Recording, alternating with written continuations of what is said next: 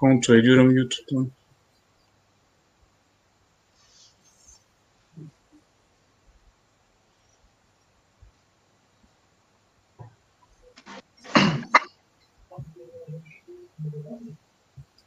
Herkese iyi akşamlar. Ee, bu akşam sizinle AKP'nin hukuk ve ekonomi reformunun değerlendirmesini konuşacağız. Çok değerli konuklarımız var. Ee, Ankara Barası'ndan Çağrı Ayhan Şener beyefendi bizimle birlikte olacak avukat kendisi. Yine İstanbul'dan, İstanbul Barosu'ndan avukat İsmail Metelci. Kendisi aynı zamanda Cumhuriyet Halk Partisi'nin İl Disiplin Kurulu Başkanlığı'nı yapıyor. Yine akademisyen e, katılımcımız Doktor Murat Kubilay bizimle birlikte olacak. Kendisi uluslararası finans uzmanlığı yapıyor ve Greenwich Üniversitesi İktisat Fakültesinden öğretim üyesi Doktor Cem Oyvat bizimle birlikte olacak. Kendileri e, bu akşamki konuklarımız olarak sırayla rica edeceğim kendilerinden. Birkaç dakikada kendilerini tanıtırlar seyircilerimize. Çok çok sevineceğim. E, Çağrı Bey sizinle başlayabiliriz. İyi akşamlar herkese. Ee, Ankara Barosu'na kayıtlı olarak 2007 yılından itibaren e, serbest avukatlık faaliyetimi yürütüyorum. 2016-2018 ee, döneminde Ankara Barosu'nda yönetim kurulu üyeliği yaptım. Ee, şu anda da serbest avukat olarak e, çalışmaya devam ediyorum.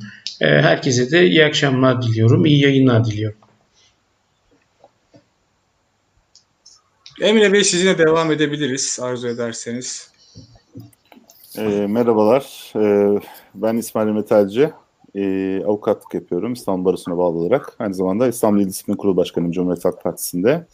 E, ben de bu yayın için hepinize çok teşekkür ediyorum. E, ön e, olarak da sevgili hocam, e, hocamız e, Bülent Endür'ü ölümünün 18. E, 18. yılında anmak istiyorum. E, şimdilik bu kadar. Murat Hocam sizinle devam edebiliriz arzu ederseniz.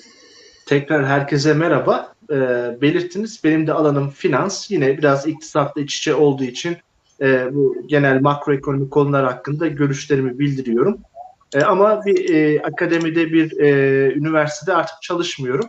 Kendi işlerimi yapıyorum. Bunun haricinde de e, geçmişinde daha çok finans kökenlidir. Türkiye'de, yurt içinde e, bu konuda e, bazı finans kuruluşlarında çalıştım ve şimdi de kendi işlerimi yapıyorum. Teşekkür ederiz size de. Cem Hocam en son sizi bıraktık. Sırada siz kaldınız. Merhabalar. Ben de e, Greenwich Üniversitesi İktisat ve Uluslararası İşletmecilik bölümünde öğretim üyesiyim. E, yaklaşık 6 yıldır bu üniversitedeyim. E, yani genel çalışma alanlarım kalkınma iktisadı gibi alanlar. E, bu kadar. Cem Hocam size çok teşekkür ederiz. Ee, tekrar etmek gerekirse bu akşamki konumuz son birkaç haftadır Berat Albayrak'ın özellikle istifa etmesiyle başlayan süreçte AKP'nin dili getirdiği seferberlik ilan etmekten bahsettiği hukuk ve ekonomi reformu olacak. Bu konuyu masaya yatıracağız. Hukuk ve ekonomi konusunda reforma neden ihtiyaç duyulduğunu, AKP'nin neden buna seferberlik etme kadar e, önem verdiğini değerlendirmeye çalışacağız. Gerçekten böyle bir şeyin ihtiyaç olup olmadığını ya da AKP'nin bu tür reformlar yapabilecek kapasite ve güce hala sahip olup olmadığını da değerlendirmek noktasında bu akşam yayın yapacağız. E, ben yine aynı sırayla devam etmek istiyorum. Yani bu reform beklentisi nereden çıkıyor sizce? Yani AKP neden böyle bir seferberlik ilan etme ihtiyacı duydu? 18 yıldır iktidarda, 2002'den beri gerek sosyal güvenlikte, gerek sağlık reformuyla, gerek askeri konularla alakalı yaptığı reformlarla en son bir sistem değişikliği reformuyla birlikte ciddi anlamda 18'de çok ciddi reformlar ve değişimler sığdırdı. Bu kadar reform, bu kadar değişim, bu kadar değişiklik, 3-4 tane referandum bunların hiçbirisi Türkiye bir arpa boyu ileriye götürmedi mi yoksa beklentinin dışında bir şeye mi sebep oldu? Ee, bu konuyla alakalı görüşlerinizi almak üzere sözü size bırakıyorum. Çağrı Bey isterseniz sizinle başlayabiliriz. Teşekkür ediyorum Burak Bey. Evet söylediğiniz 18 yıldır e, bir iktidar var. E, ülkeyi yönetiyor. Ancak e, gördüğümüz üzere işte Ekonomi Bakanı da, yeni Ekonomi Bakanı da, Adalet Bakanı da, Cumhurbaşkanı da e, ekonomi reformundan, hukuk reformundan, demokrasi reformundan bahsediyorlar ve bunun çok ciddi bir şekilde de adımların atılacağını söylüyorlar. Neden buna ihtiyaç duyuluyor? Çünkü ekonomik veriler e, saygıdeğer uzmanlar daha iyi açıklayacaktır. E, ortada. E, onun dışında e, verileri de geçin. Vatandaşın e, durumu, hepimizin durumu aslında ortada. Hepimiz çok ciddi bir şekilde e, yoksullaşıyoruz ve e, bir önceki yılı e, arar vaziyetteyiz. Bunun bu ülkedeki her kesimin birebir yaşadığı bir gerçek. E, hukuk alanına gelecek olursak, e, hukukta güven e, sorunu yaşıyoruz. E, vatandaşa sorduğunuzda, hukukçulara sorduğunuzda, e, herkes e, maalesef adalete güvenmiyor. Türkiye'de adaletin olmadığını düşünenlerin oranı e, her geçen gün artıyor. E, böyle bir durum olduğu zaman da siz e, hukuk sisteminizi e, tam olarak oturtamadığınız bir zam- e, durumda e, ekonomide de çok ciddi anlamda bir e, atılım yapmanız ya da bir e, gelişim sağlamanızın söz konusu olacağını ben düşünmüyorum zaten. Neden peki hukuk sistemimizde bu tip sorunlar var diyecek olursak? E, çünkü e, yargımız bağımsız değil. E, yargımıza güven yok. E, hakimler kendilerine güvenmiyorlar. Çünkü sistem maalesef e, liyakatı dayalı sistem değil. E, güvenin olmadığı yerde e, hakimlerin verdikleri karardan ötürü ertesi gün görevlerinden alındığı bir ortamda e, mahke- o mahkemenin üyelerinin dağıtıldığı bir ortamda siz yargı bağımsızlığından zaten söz edemezsiniz. Bakın bu ülkede e, hiyerarşik olarak değil ama bağlayıcılık olarak en üst mahkeme Anayasa Mahkemesi. En, e, Anayasa Mahkemesi kararlarının uygulanmadığı bir ülkeden bahsediyoruz. E, böyle bir ülkeye hangi yatırımcı, yerli ya da yabancı hangi yatırımcı yatırım yapmak ister ki? Kimse tabii ki yatırım yapmıyor, yatırımlarını geri çekiyorlar. E, yargı reformu strateji belgesi adında bir belge yayınlandı 2019 senesinde ve buna bağlı olarak da 3 e, ayrı paket halinde yasalaşma süreçleri yaşandı. Ama gördük ki o, o belgelerin içi çok boş maalesef. Ee, ve bunların aslında e, günlük hayatımıza, yargı sistemimize hiçbir getirisi, hiçbir e, katkısı olmadı. E, bakın çok enteresan veriler e, vermek istiyorum. Şimdi Türkiye'nin Avrupa İnsan Hakları Mahkemesi'ndeki dosya sayısı Rusya'dan sonra 47 ülke içerisinde Rusya'dan sonra ikinci geliyor. Bu şu demek oluyor. Siz anayasanızdan, e, anayasanızda kabul ettiğiniz Avrupa İnsan Hakları Sözleşmesi'ne aykırı e, hareket ediyorsunuz. Ve bunu da devlet olarak düşünebiliyor musunuz? Rusya'dan sonraki en çok ihlal e, kararı verilen, en çok dosyası olan e, ülke Türkiye. Ve bu öyle bir duruma geliyor ki iş. E, 113 tane yani geçen sene sadece e, 113 tane karar var Türkiye aleyhine ve 97'sinde karara çıkmış 97'sinde hak ihlali. Yani her dosyanızda sizin Avrupa İnsan Hakları Mahkemesi demiş ki hak ihlaliniz var. Bunun Avrupa'da yarattığı, dünyada yarattığı bir etki var tabii ki. Türkiye'ye bir maddi olarak bir dönüşü var. Hepimizin hepimiz o tazminatların ödenmesine katkıda bulunuyoruz vergilerimizle. Ayrı ama dünyada da bir etkisi var. Anayasa Mahkemesi kararlarına bakıyorsunuz. Anayasa Mahkemesi kararları da öyle. Yani e, geçen sene verilen kararlardan 4243 tane hak ihlali kararı vermiş Anayasa Mahkemesi. Sadece 539 tane hak ihlali olmadığına dair karar vermiş. Şimdi hal böyleyken e, geçen 13 Kasım'da Adalet Bakanı bir konuşma yaptı. Dedi ki adalet yerini bulsun isterse kıyamet kopsun. Bakın o konuşmayı lütfen herkes YouTube'dan açsın dinlesin. Ben o konuşmanın da söylediği Sayın Bakan'ın söylediği her cümlenin altına imza atıyorum. Keşke Türkiye'de böyle bir Adalet Bakanı olsa. İnsan içinden böyle söylemek geliyor. Ama Adalet Bakanı, Sayın Adalet Bakanı 2016 senesinden beri bakanlık görevini yürütüyor. E, 2016'dan beri hiçbir şey değişmedi. Değişmediği gibi bir geri gitme durumu var. Ve artık insanlar, e, vatandaş dava açtığında, avukatla görüştüğünde hakkını alabileceğini, talebinin e, yerine getirileceğini düşünmüyorlar zaten. O zaman da herkesin kendi adaletini sağlaması gibi bir durum ortaya çıkıyor. Bunun e, sonucunda bizler şunu söylüyoruz. Evet, Türkiye'nin çok ciddi anlamda bir hukuk reformuna ihtiyacı var. Ama ondan önce Türkiye'nin mevcut yasalarının anayasası başta olmak üzere uygulanmasına ihtiyacı var. Sorunumuzun yasalarda olduğunu düşünmüyorum ben. Sorunumuz ilk etapta öncelikle uygulayıcılarda. Biz yasalarımızı hakkaniyetle tam anlamıyla uygulayamıyoruz maalesef. Ve hal böyle olunca sorun uygulamada olunca şöyle bir problem ortaya çıkıyor. Siz ne kadar iyi yasa çıkartırsanız çıkartın, sizin ne kadar çok yasanız olursa olsun e, bunu uygulayacak kişinin etkin ve yetkin olmaması, bilgi sahibi olmaması halinde aslında o çıkardığınız yasanın da hiçbir anlamı kalmıyor. Türkiye'deki hukuka dair temel problem bu. Temel sorun bu. Bunu çözmek lazım. Türkiye'de hakimlerin liyakatle göreve gelmesi lazım. Ondan sonra bir takım düzenlemeler, bir takım reform adı altında mevzuatta değişiklikler yapılabilir. Yapılmalıdır yüzde yüz. Katılıyorum buna ama biz daha kendi mevcut yasalarımızı uygulayamıyoruz ki.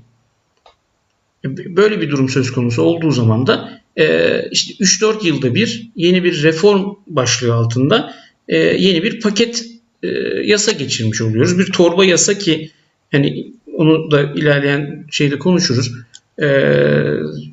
Yani hukuk mantığında kanun yapma sistematiğinde olmayan bir şeyi biz uyguluyoruz. Torba yasa adı altında.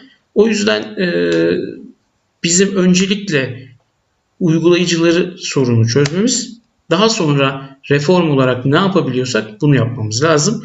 Ee, onun dışında da e, bir sonraki turda e, hukuk reformunda asıl neler yapılması gerekiyor e, onları da konuşuruz isterseniz.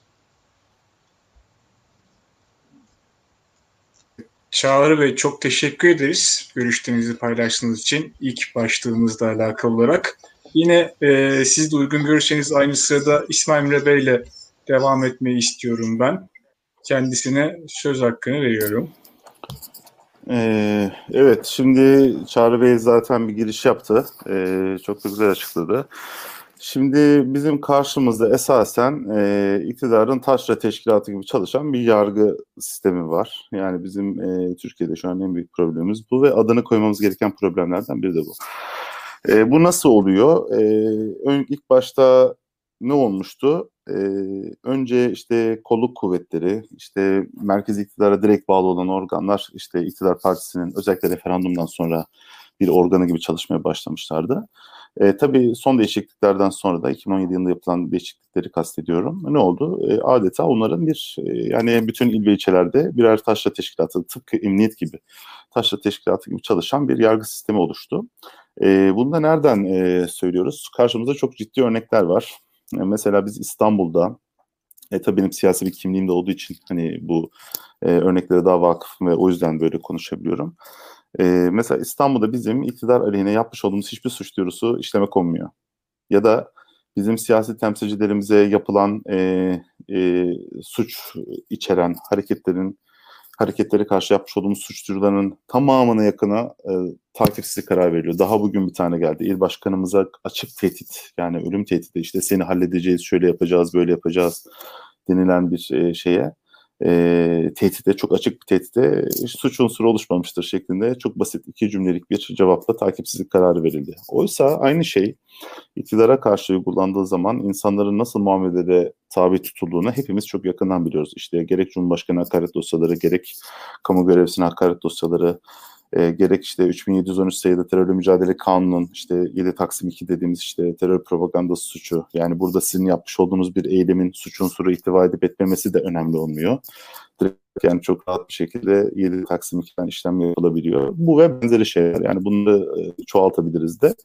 E, tamamıyla e, dışarıdan bakıldığında da objektiflikten uzak şekilde e, karar verilen e, nasıl diyeyim bir e, e, yargı sistemine sahip olduğumuz görülmekte.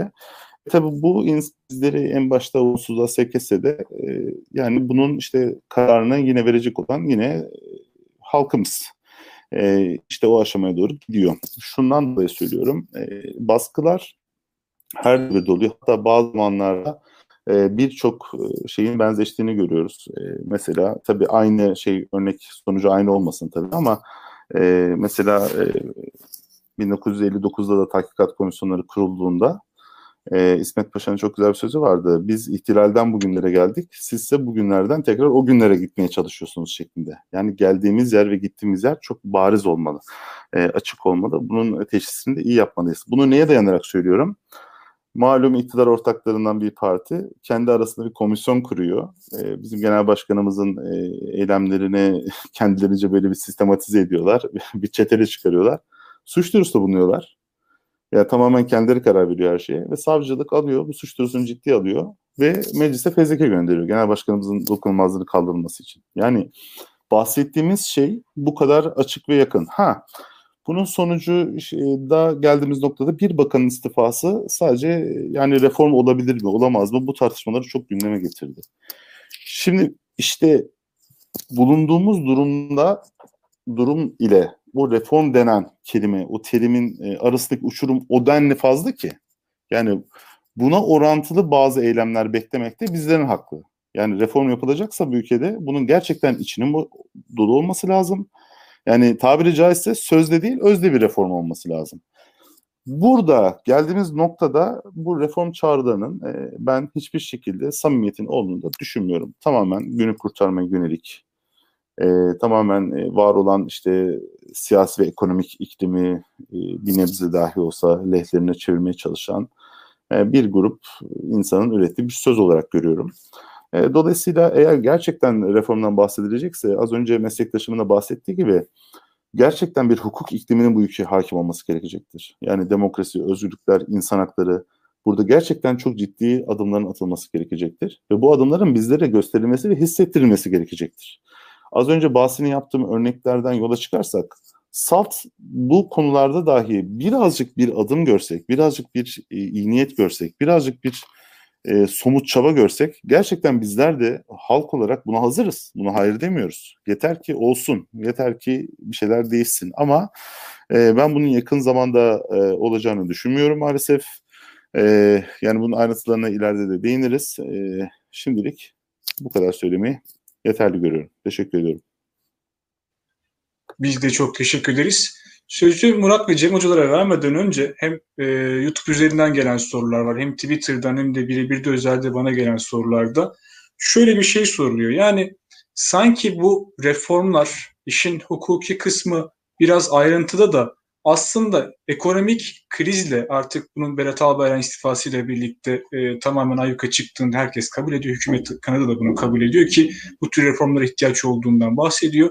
Sanki yani ekonomik krizi, ekonomik gidişattan bağımsız bir hukuk reformuna ihtiyaç yokmuş. Hukuki olarak Türkiye'de herhangi bir problem yokmuş. Ancak ekonomik krizi aşmak için, işte yabancı yatırımcıya güven vermek için böyle bir reform paketlerine ihtiyacımız varmış gibi algılanıyor. Yani aslında burada Türkiye'de hukuk reformu derken işte ifade özgürlüğü, basın özgürlüğü ya da insan hakları ile alakalı herhangi bir problem yok. Sadece biz hani artık ekonomik olarak günübirlik kararlar almayacağız. Yatırımcıyı, işte doğrudan yatırımları, reel ekonomiye dayalı yatırımları korkutmayacak, onları Türkiye'de daha fazla yatırım yapmalarını sağlayacak e, anlayışı güçlendireceğiz, bu imkanları kolaylaştıracağız gibi bir algı var. Ben size sözü vermeden önce bunlara, bu konularla alakalı olarak da değerlendirmenizi ekstra rica ediyorum. Tabii. Murat Hocam devam edebiliriz. Tabii şimdi bu sürece nasıl geldiğimize e, konuşmamız gerekiyor. E, şimdi sıkıntının kaynağı şu. Türkiye hala e, iyi kötü bir demokrasi. Seçimler var. Seçimlerin sonuçları tanımladığı zaman 2019 Haziran'daki gibi daha olağanüstü durumlar olabiliyor. O yüzden de iktidar halk nezdindeki popülaritesini korumak zorunda.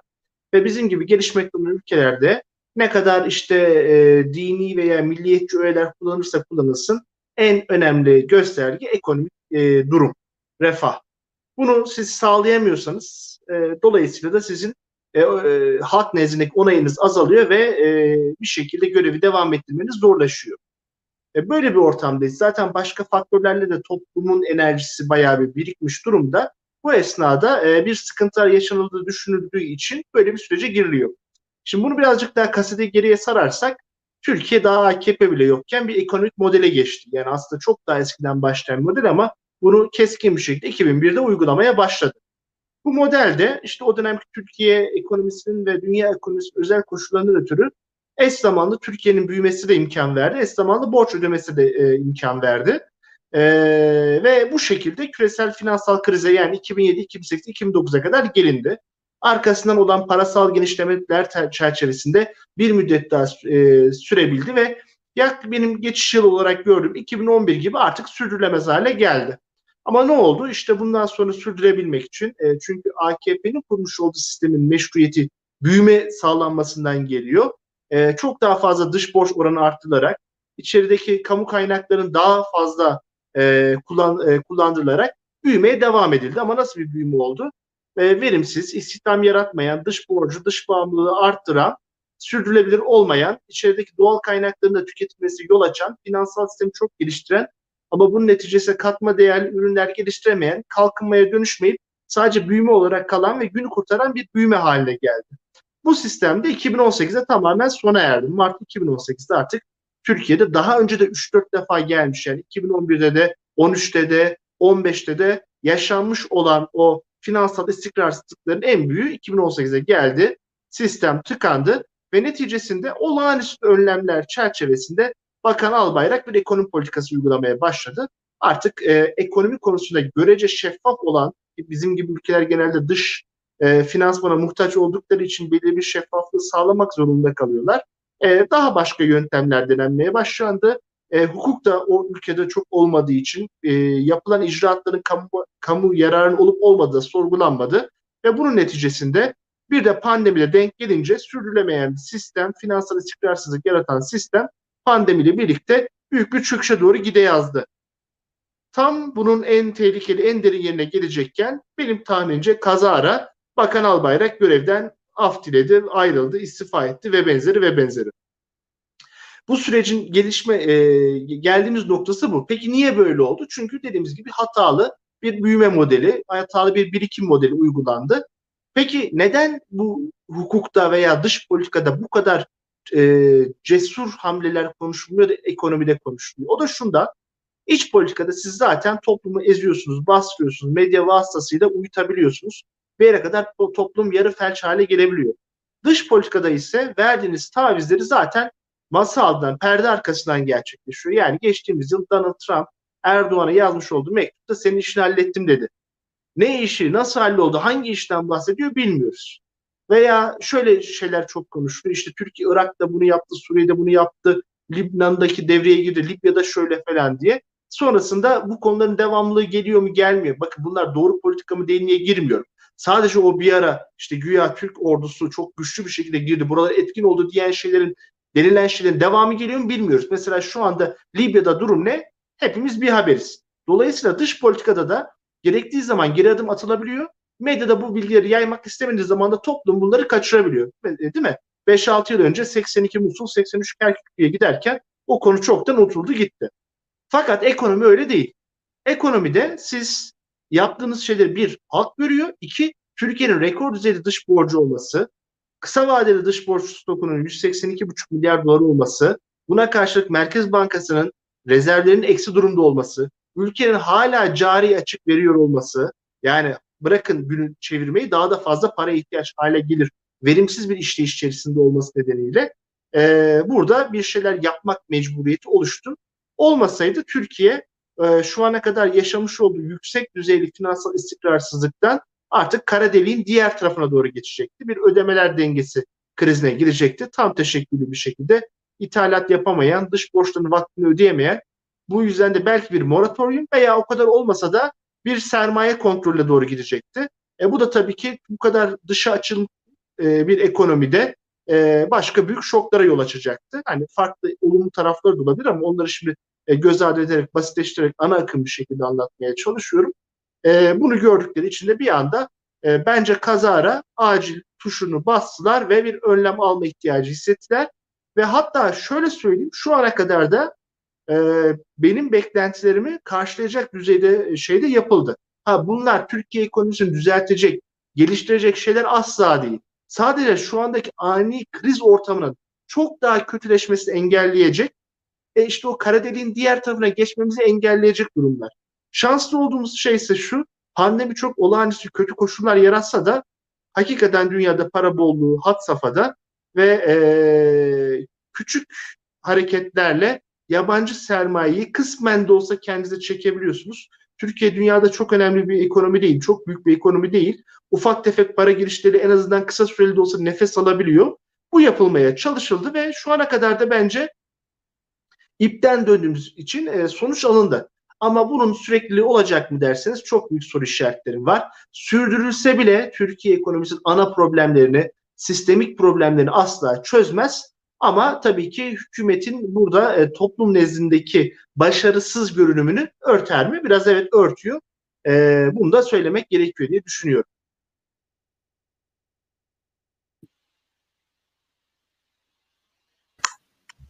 Murat Hocam size çok teşekkür ederim. Cem Hocam sizden devam edelim. Sizden de bu konuyla alakalı çok kapsamlı ve uzun bir değerlendirme bekliyorum açıkçası. Söz sizde çok teşekkürler tekrardan. Peki teşekkür ederim. Ee, şimdi bir kere hukuk reformundan bahsederken e, neden bu hukuk reformunun yapıldığını konuşmakta fayda var. Bu hukuk reformu Türkiye'de hukukun zayıfladığı, insan hakları anlamında e, çok büyük eksiklikler olduğu için e, gündeme gelen bir şey değil. Cumhurbaşkanı Erdoğan biliyorsunuz bu hukuk reformunu aynı zamanda işte finans çevresinin bir takım hoşlanmadığı uygulama ların kaldırılacağını söylediği bir konuşmasında e, ifade ediyor. E, dolayısıyla burada aslında e, hukuk reformunun gündeme gelmesinin birinci nedeni e, Türkiye'deki hukuk anlamındaki sıkıntılar değil. E, Türkiye'nin çok ciddi anlamda bir e, e, yabancı sermaye, sıcak para girişine ihtiyacı olması. Aslında Tayyip Erdoğan bu e, reform meselesini daha çok e, günü kurtarabilmek için gündeme getirmek zorunda kaldı. E, o yüzden ben açıkçası hukuk reformu anlamında samimi olduğunu da düşünmüyorum. E, sonda söyleyeceğim, başta söyleyeyim. Neden Tayyip Erdoğan böyle bir meseleyi gündeme getirme ihtiyacı duydu? Aslında bunu anlamak için biraz Murat Hoca da anlattı. Türkiye'nin çok uzun süredir izlediği büyüme modeline bakmak lazım. Türkiye e, yabancı sermaye girişlerine dayalı e, düzenli olarak işte yüzde 4, 5, 6, 7, 8 e, oranında gayri safi milli hasılasını cari açık vererek e, büyüyen bir ekonomik model izliyor. E, şimdi dünyada para bolluğu olduğu dönemlerde 2000 sonrasında ve sonrasında 2008-2009 krizi sonrasında bu model e, e, çok e, ciddi bir problem yaratmadı 2008 krizini saymazsak. Ama e, Murat Hoca 2011 diyor yani 2013'e kadar diyebiliriz. 2013'e kadar bu e, ciddi bir problem yaşamadan Türkiye ekonomisi devam etti. Ama sonrasında ne zaman e, Amerikan Merkez Bankası faizleri arttırma yoluna gitti veya arttıracağı beklentileri e, başladı. Türkiye ekonomisi e, sorunlar yaşamaya başladı ve bu her yaşadığı sorunu da günü kurtaracak politikalarla aştı.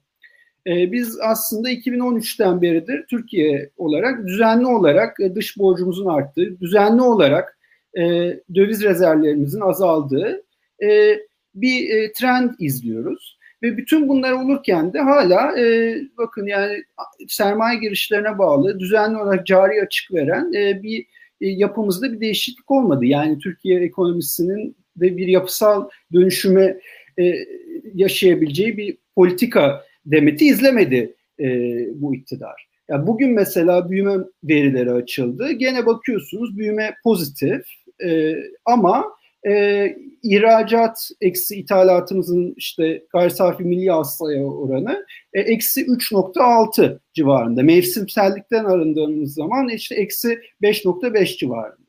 Şimdi burada problem şu, e, özellikle pandemi döneminde e, bir e, Türkiye'nin döviz rezervleri e, daha da eridi. Bu konuda yani izlenen Merkez Bankası'nın da izlediği çok yanlış politikalar var. Biraz daha tartışırız onu ilerleyen e, bölümde. E, yani bir kere bu bir problem. E, yani ikincisi de şey e, yani sermaye girişleri kesildi pandemi döneminde. Ve sadece Türkiye değil, bütün gelişmekte olan ülkelere gelen sermaye girişleri kesildi. E siz şimdi düzenli olarak e, ürettiğinizden daha fazlasını harcarsanız eğer büyüdüğünüzde e, bunu nasıl yapabilirsiniz? Eğer bir, bir yerden para gelmiyorsa e, cebinizdeki paradan yersiniz. E, Türkiye e, cebindeki paradan yeme e, yolunu seçti ve bu nedenle de şu anda işte Merkez Bankası'nın swaplar haricindeki rezervlerinin eksi 50 milyar dolarlara geldiği söyleniyor.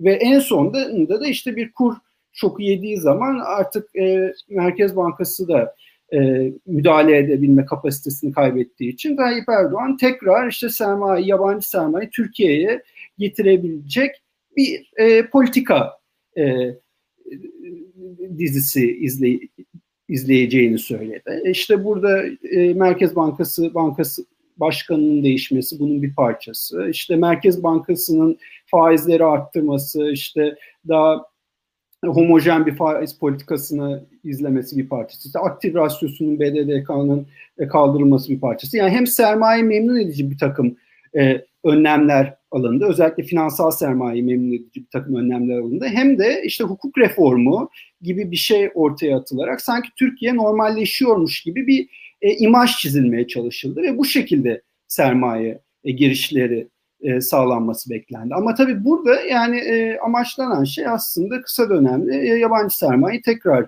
e, Türkiye'ye geri getirmek. E, bu gene günü kurtarmak için izlenmiş bir politika. Açıkçası uzun dönemde biz aynı sarmalı tekrar tekrar yaşayacağımızı ve her seferinde daha da e, dibe e, çökeceğimizi düşünüyorum. Evet Cem Hocam size de çok teşekkür ederiz. Aslında aynı soruları e, diğer hukukçu katılımcılarımıza, hocalarımıza da sormak istiyorum. Yani şimdi şöyle bir algı var.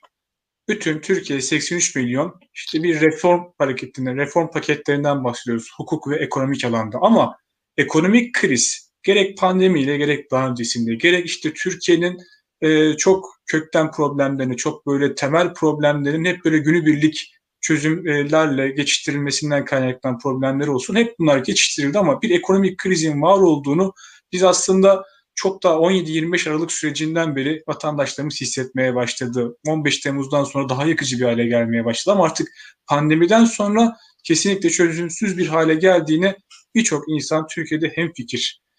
Bu hukuk reformunun ekonomik gidişatı maskelemekle alakalı ya da e, ekonomik krizi gölgelemekle alakalı bir perde olarak kullanılması hukukçu olarak sizi de rahatsız etmiyor mu? Yani bu bakış açısıyla alakalı olarak yapılabilecek hiçbir şey yok mu sizce de? Siz bu konu hakkında ne düşünüyorsunuz?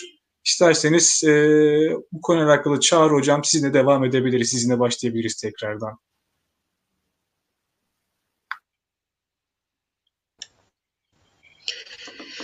Tabii ki rahatsız ediyor. Rahatsız etmez mi? Aslında hukuku e, hukukçulara bıraksak, e, siyasetçiler, e, ülkeyi yönetenler çok fazla e, hukuk ve e, davalar üzerine e, yorum yapmasalar ki aslında anayasada böyle ama e, ya da belli şeyler için araç olarak hukuk kullanılmasa e, tabii ki e, çok daha e, iyi olacak ve e, demokratik bir ülkenin aslında hukukun üstünlüğünü e, kabul eden bir ülkenin gereklerini yerine getirmiş olacağız. Evet e, beni açıkçası çok rahatsız ediyor. Çünkü e, biraz önce e, saydım biz e, hemen hemen her gün bir e, hukuk katliamı ya da sosyal medyaya yansıyor.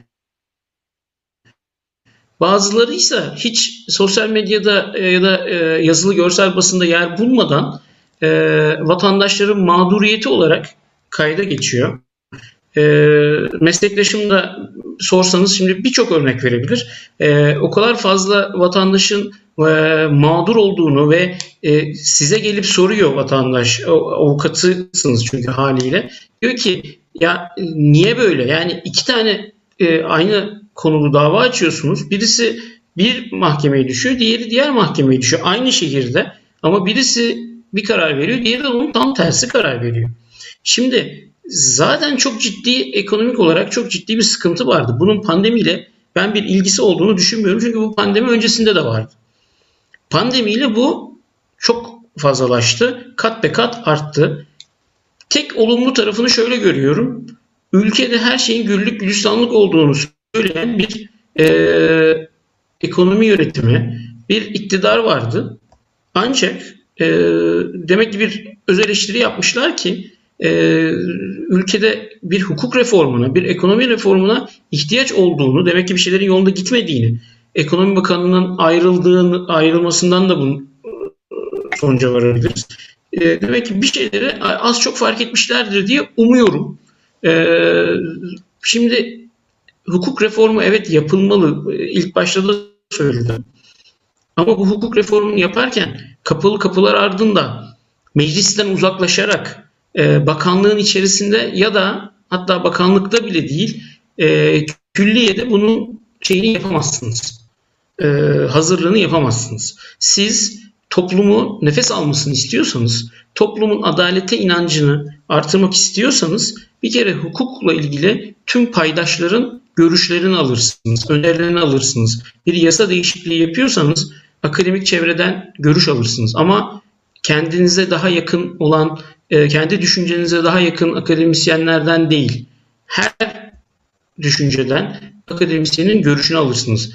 Baroların görüşünü alırsınız. E, baroları düşman ilan ederek, e, onlarla uğraşarak değil, tamamen ben şöyle bir reform yapmak istiyorum. Bununla ilgili düşüncenizi söyleyin dersiniz. Bunu da kağıt üstünde göstermelik olarak yapmazsınız. Hep beraber bir masanın etrafında toplanırsınız. Şimdi e, ben çok merak ediyorum. İşte iki hafta oluyor bu durumun e, konuşulması, hukuk reformu, hukuk reformu. Hiç ortada bir görüşelim, bir toplantı yapalım. Hadi pandemi var, yüz yüze görüşemiyoruz. Biz Zoom üzerinden bir toplantı yapalım. Biz e, Ekonomi Bakanı ile Adalet Bakanı TOB'a gidiyor. TÜSİAD'a gidiyor. Bu hukuk reformu toptan mı başlar? TÜSİAD'dan mı başlar? Bu buralardan mı gelir? Ekonomi Bakanı görüşmek istiyorsa buyursun görüşsün. Ama biz Adalet Bakanı'nı e, birebir bu işin içindeki sivil toplum kuruluşları, barolar, dernekler, kim varsa, kim katkı sunmak istiyorsa o e, onlarla beraber bir toplantı yaparken görmek isteriz. Şimdi e, evet kulağa çok hoş geliyor. Yıl 2020 tam 18 senedir, tam 18 senedir iktidardasınız ve ben hukuk reformu yapacağım diyorsunuz. Bakın bu ülkede söyledim daha önce Anayasa Mahkemesi kararları uyulmuyor mahkemeler tarafından. Ve şimdi şöyle biraz e, okuduğum zaman bu hukuk reformundaki gelen pakette şey varmış. Anayasa Mahkemesi kararları yargılamanın yenilenmesi nedenidir. Yani Anayasa Mahkemesi kararları yargılanması, yargılamanın yenilenmesi sonucunu doğurur diye bir şey koyacaklarmış. Çünkü anayasanın e, 153. maddesi yok. Bizim anayasamızda öyle bir madde yok. Bağlayıcılığın söz konusu değil. O maddeyi koyacaklarmış. E neden peki bu kararlar mahkemelerce uygulanmıyor? Bir düşünelim. Çünkü bu ülkeyi yönetenler ben Anayasa Mahkemesi kararına uymuyorum, saygıda duymuyorum. Hepimizin gözünün içine baka baka bunu söylediler. Ülkeyi yöneten bir kişi bunu söylüyorsa bir ağır ceza mahkemesi heyeti uymamış çok mu? Uymazlar tabii. Şimdi e, kamuoyuna yansıyan davalar bunlar. Osman Kavala davası işte e, e, Bülent Arınç da geçen hafta dile getirdi bunları ve bir anda olay bambaşka bir noktaya gitti. Ama bunlar zaten hukukçuların mutabık kaldığı konular. Enis Berberoğlu kararı. Bakın bir milletvekilinin milletvekili hakkı elinden alındı, düşürüldü. Ve buradan çok söyledik. Bu kanaldan da çok söyledik. Dedik ki bakın bunun geri dönüş yok. Telafisi imkansız bir durum oluşturur. Düşürdünüz. Yarın Anayasa Mahkemesi kararı ihlal kararı verdiğinde Anayasa Mahkemesi ihlal kararı verdiğinde ne yapacaksınız dedik. Ve ihlal kararı verdi. Şimdi o kişinin şeyi ne olacak? E, hakları oy verilmiş, seçilmiş, meclise gönderilmiş. Seç, seçilme hakkını kullanmış. Anayasal bir haktan bahsediyoruz. Hukuk reformu mu yapmak istiyorsunuz? Dediğim gibi bütün bir paydaşları bir masa etrafında toplayın. Siz ne istiyorsunuz diye bir sorun. Şimdi Hakimler Savcılar Kurulu'ndan bahsedeceğim. Hakimler Savcılar Kurulu Adalet Bakanı başkanlığı yaptığı bir kurul. Ve Adalet Bakanı bu kurulun başkanı olması nedeniyle aslında bağımsız olması, tarafsız olması gereken bir kurul siyasi iktidarla ilişkilendirilmiş durumda. Evet bu daha önce de böyleydi. Ama bunun değişmesi gerekiyor zaten. Anayasa Mahkemesi'nin yapısına bakın. Meclis kaç tane üye seçiyor? Cumhurbaşkanı kaç tane üye seçiyor? Şu anda zaten siyasal, yani meclisteki çoğunluğu da dikkate aldığımızda zaten siyasal iktidarın Anayasa Mahkemesi yapısını oluşturduğu sonucu ortaya çıkıyor. Ama iki tane olumsuz karar verdiğinde işte iktidarın diğer ortağı diyeyim e, Sayın Bahçeli diyor ki Anayasa Mahkemesi yapısını bir değiştirmemiz lazım. Daha yeni değişti zaten. 4 sene oldu Anayasa Mahkemesi'nin yapısını değiştirelim. Ya bu yapbozla hukuk sistemi olmaz. Hukukta istikrar çok önemlidir. Yapbozla ben küstüm oynamıyorum. Bu benim işime gelmedi. Bunu bir hemen değiştirelimle hukuk sistemini siz e, bir temele oturtamazsınız. Temele oturtamadığınız gibi bu ekonominizi de etkiler, demokrasinizi de etkiler, dış politikanızı da etkiler, iç huzurunuzu da etkiler. Vatandaşlar arasındaki iç huzuru doğrudan etkiler. Siz e, hakim savcı sınavında en yüksek notu almış, yazılı sınavda en yüksek notu almışları eleyip en düşük notları olanları ve bunlar bir, iki yani istisnai kişilerden bahsetmiyorum. Kişileri siz hakim savcı yaparsanız böyle garip kararlar an, an içinden çıkılamaz. Günlerce kamuoyu bir mahkemenin bir kararını konuşuyor. Bu şekilde bir hukuk sistemi zaten e, bir yere varılamaz ki. Hukuk reformu yapmak istiyorlarsa mesela hukuk fakültelerinin sayısını azaltsınlar. HSK'yı gerçekten bağımsız bir idari kurul haline getirsinler. Hakim savcıları seçilirken tamamen liyakat sistemine ve sadece seçilirken değil, atama yapılırken, terfi alırken, yargıtaya seçilirken, danıştaya seçilirken tamamen liyakatle, sicille hareket etsinler. Ve maalesef tabii ki hukuk sistemi şöyle bir durumdur. Ee, öyle bugünden yarına değişmez. Ee, biraz önce e, hocalarımız söyledi. İşte yani az da olsa para girişiyle ekonominin de çok büyük olmaması nedeniyle yani bir rahatlama olur, bir e, nefes alır. Hukukta maalesef öyle de değil. Yıllardır bozulan sistemi siz bir günde bir yasa değişikliğiyle, bir reformla e, değiştiremezsiniz, düzeltemezsiniz. Ama zararın neresinden dönülürsek diyorsak o zaman oturalım gerçekten siyasi düşüncelerden bağımsız bu ülkenin yararına bu milletin yararına nasıl bir reform yapmalıyız da e, güven endeksinde en sonlarda adalet, hukuk çıkmamalı. Bir hakim karar verdiğinde evet bu hakim kanunla, vicdanla karar vermiştir diyebileceğimiz bir noktaya nasıl geliriz oturup konuşalım. Ancak o zaman bu ülkede gerçekten hukuk reformu yapılıyor. Gerçekten bağımsız bir yargının temelleri atılıyor diyebiliriz. Bakın bu ülkede hakimlerin %30-35'i 0-5 yaş meslek grubundaki hakimler. Yani 5 yıl kıdemden az hakimler toplam hakimlerin %30-35'ini oluşturuyor. Bu o kadar ciddi bir oran ki. Bu o kadar büyük bir oran ki. E, bunların hepsi için e, dediğim gibi bir en başına oturup sağlıklı bir şekilde e, bir e, değerlendirme yapmak, bir çalışma yapmak gerekiyor diye düşünüyorum. Biraz e, uzun konuşmuş olabilirim. Affedersiniz. Çağrı Hocam çok teşekkür ediyoruz. Ben sözü İsmail Meterci'ye vermeden önce birkaç durumdan, hatırlatmadan bahsetmek istiyorum. Şimdi bu hukuk reformundan bahsedildikten sonra işte Ekonomi ve Adalet Bakanı'nın birlikte ziyaretleriyle birlikte o süreçten bu yana birkaç gelişme oldu. Ne gibi işte?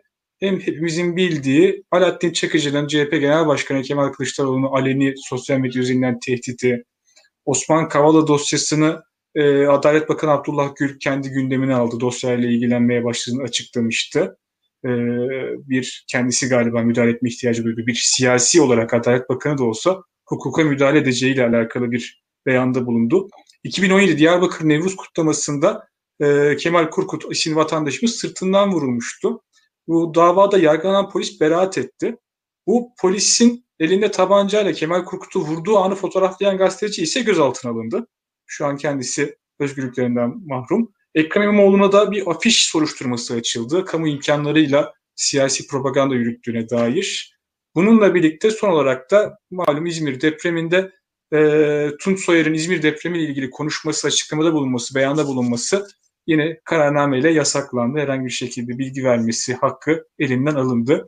Şimdi bu bilgiler ışığında e, hepimiz de aslında e, bütün Türkiye'nin bildiği üzere bu hukuk reformunun ekonomik gidişatla alakalı olduğunu, bununla alakalı bir durumu düzeltme, durumu kurtarmak kaygısıyla alakalı yapıldığını kabul ediyoruz ya da bunu en azından bu fikirde ortaklaştık.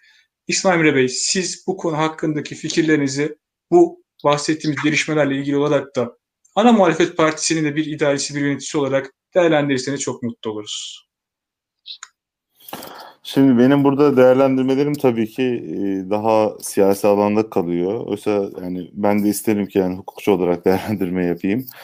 Ee, buradaki en büyük derdimiz şu. E, tabii biz her ne kadar işte mesleğimizi e, ön planda tutsak da e, yani mesleğimizin gereklerini e, yapmaya çalışıyoruz ve siyasi gerekleri de gözetiyoruz. Ama anladığım kadarıyla e, iktidar partisindeki meslektaşlarımız e, me, siyasi gereklerini çok çok çok çok önemserken mesleki gereklerini hemen hemen hiç hatırlamıyorlar. Yani bence burada çok önemli bir eksik var.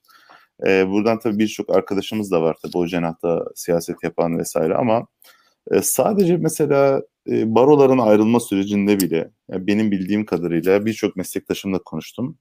Aslında hiç böyle bir şey yapmak istemediklerini ama mesela kimi kamuda çalışma zorunluluğundan ötürü, kimi içinde siyaset yaptığı partinin e, kendisine kendilerine vermiş olduğu emir komuta zincirinden ötürü olarak mesela İstanbul İkinoğlu Baro'ya geçiş yapmak zorunda kaldıklarını bizlere söylediler. Peki aynı şey bizim başımıza gelseydi biz ne yapardık? Yani mesela bu çok önemli bir soru. Ya ben geçmezdim. Açık konuşayım. Çünkü mesela barolar, işte meslek odaları, değil mi? Bunlar kamu kurumu niteliğindeki meslek kuruluşlarıdır ve aslında anayasal teminat altına alınmışlardır. Ve anayasal kurumlardır. Öyle de kalmaları gerekir. Çünkü aksi durumda ne olur?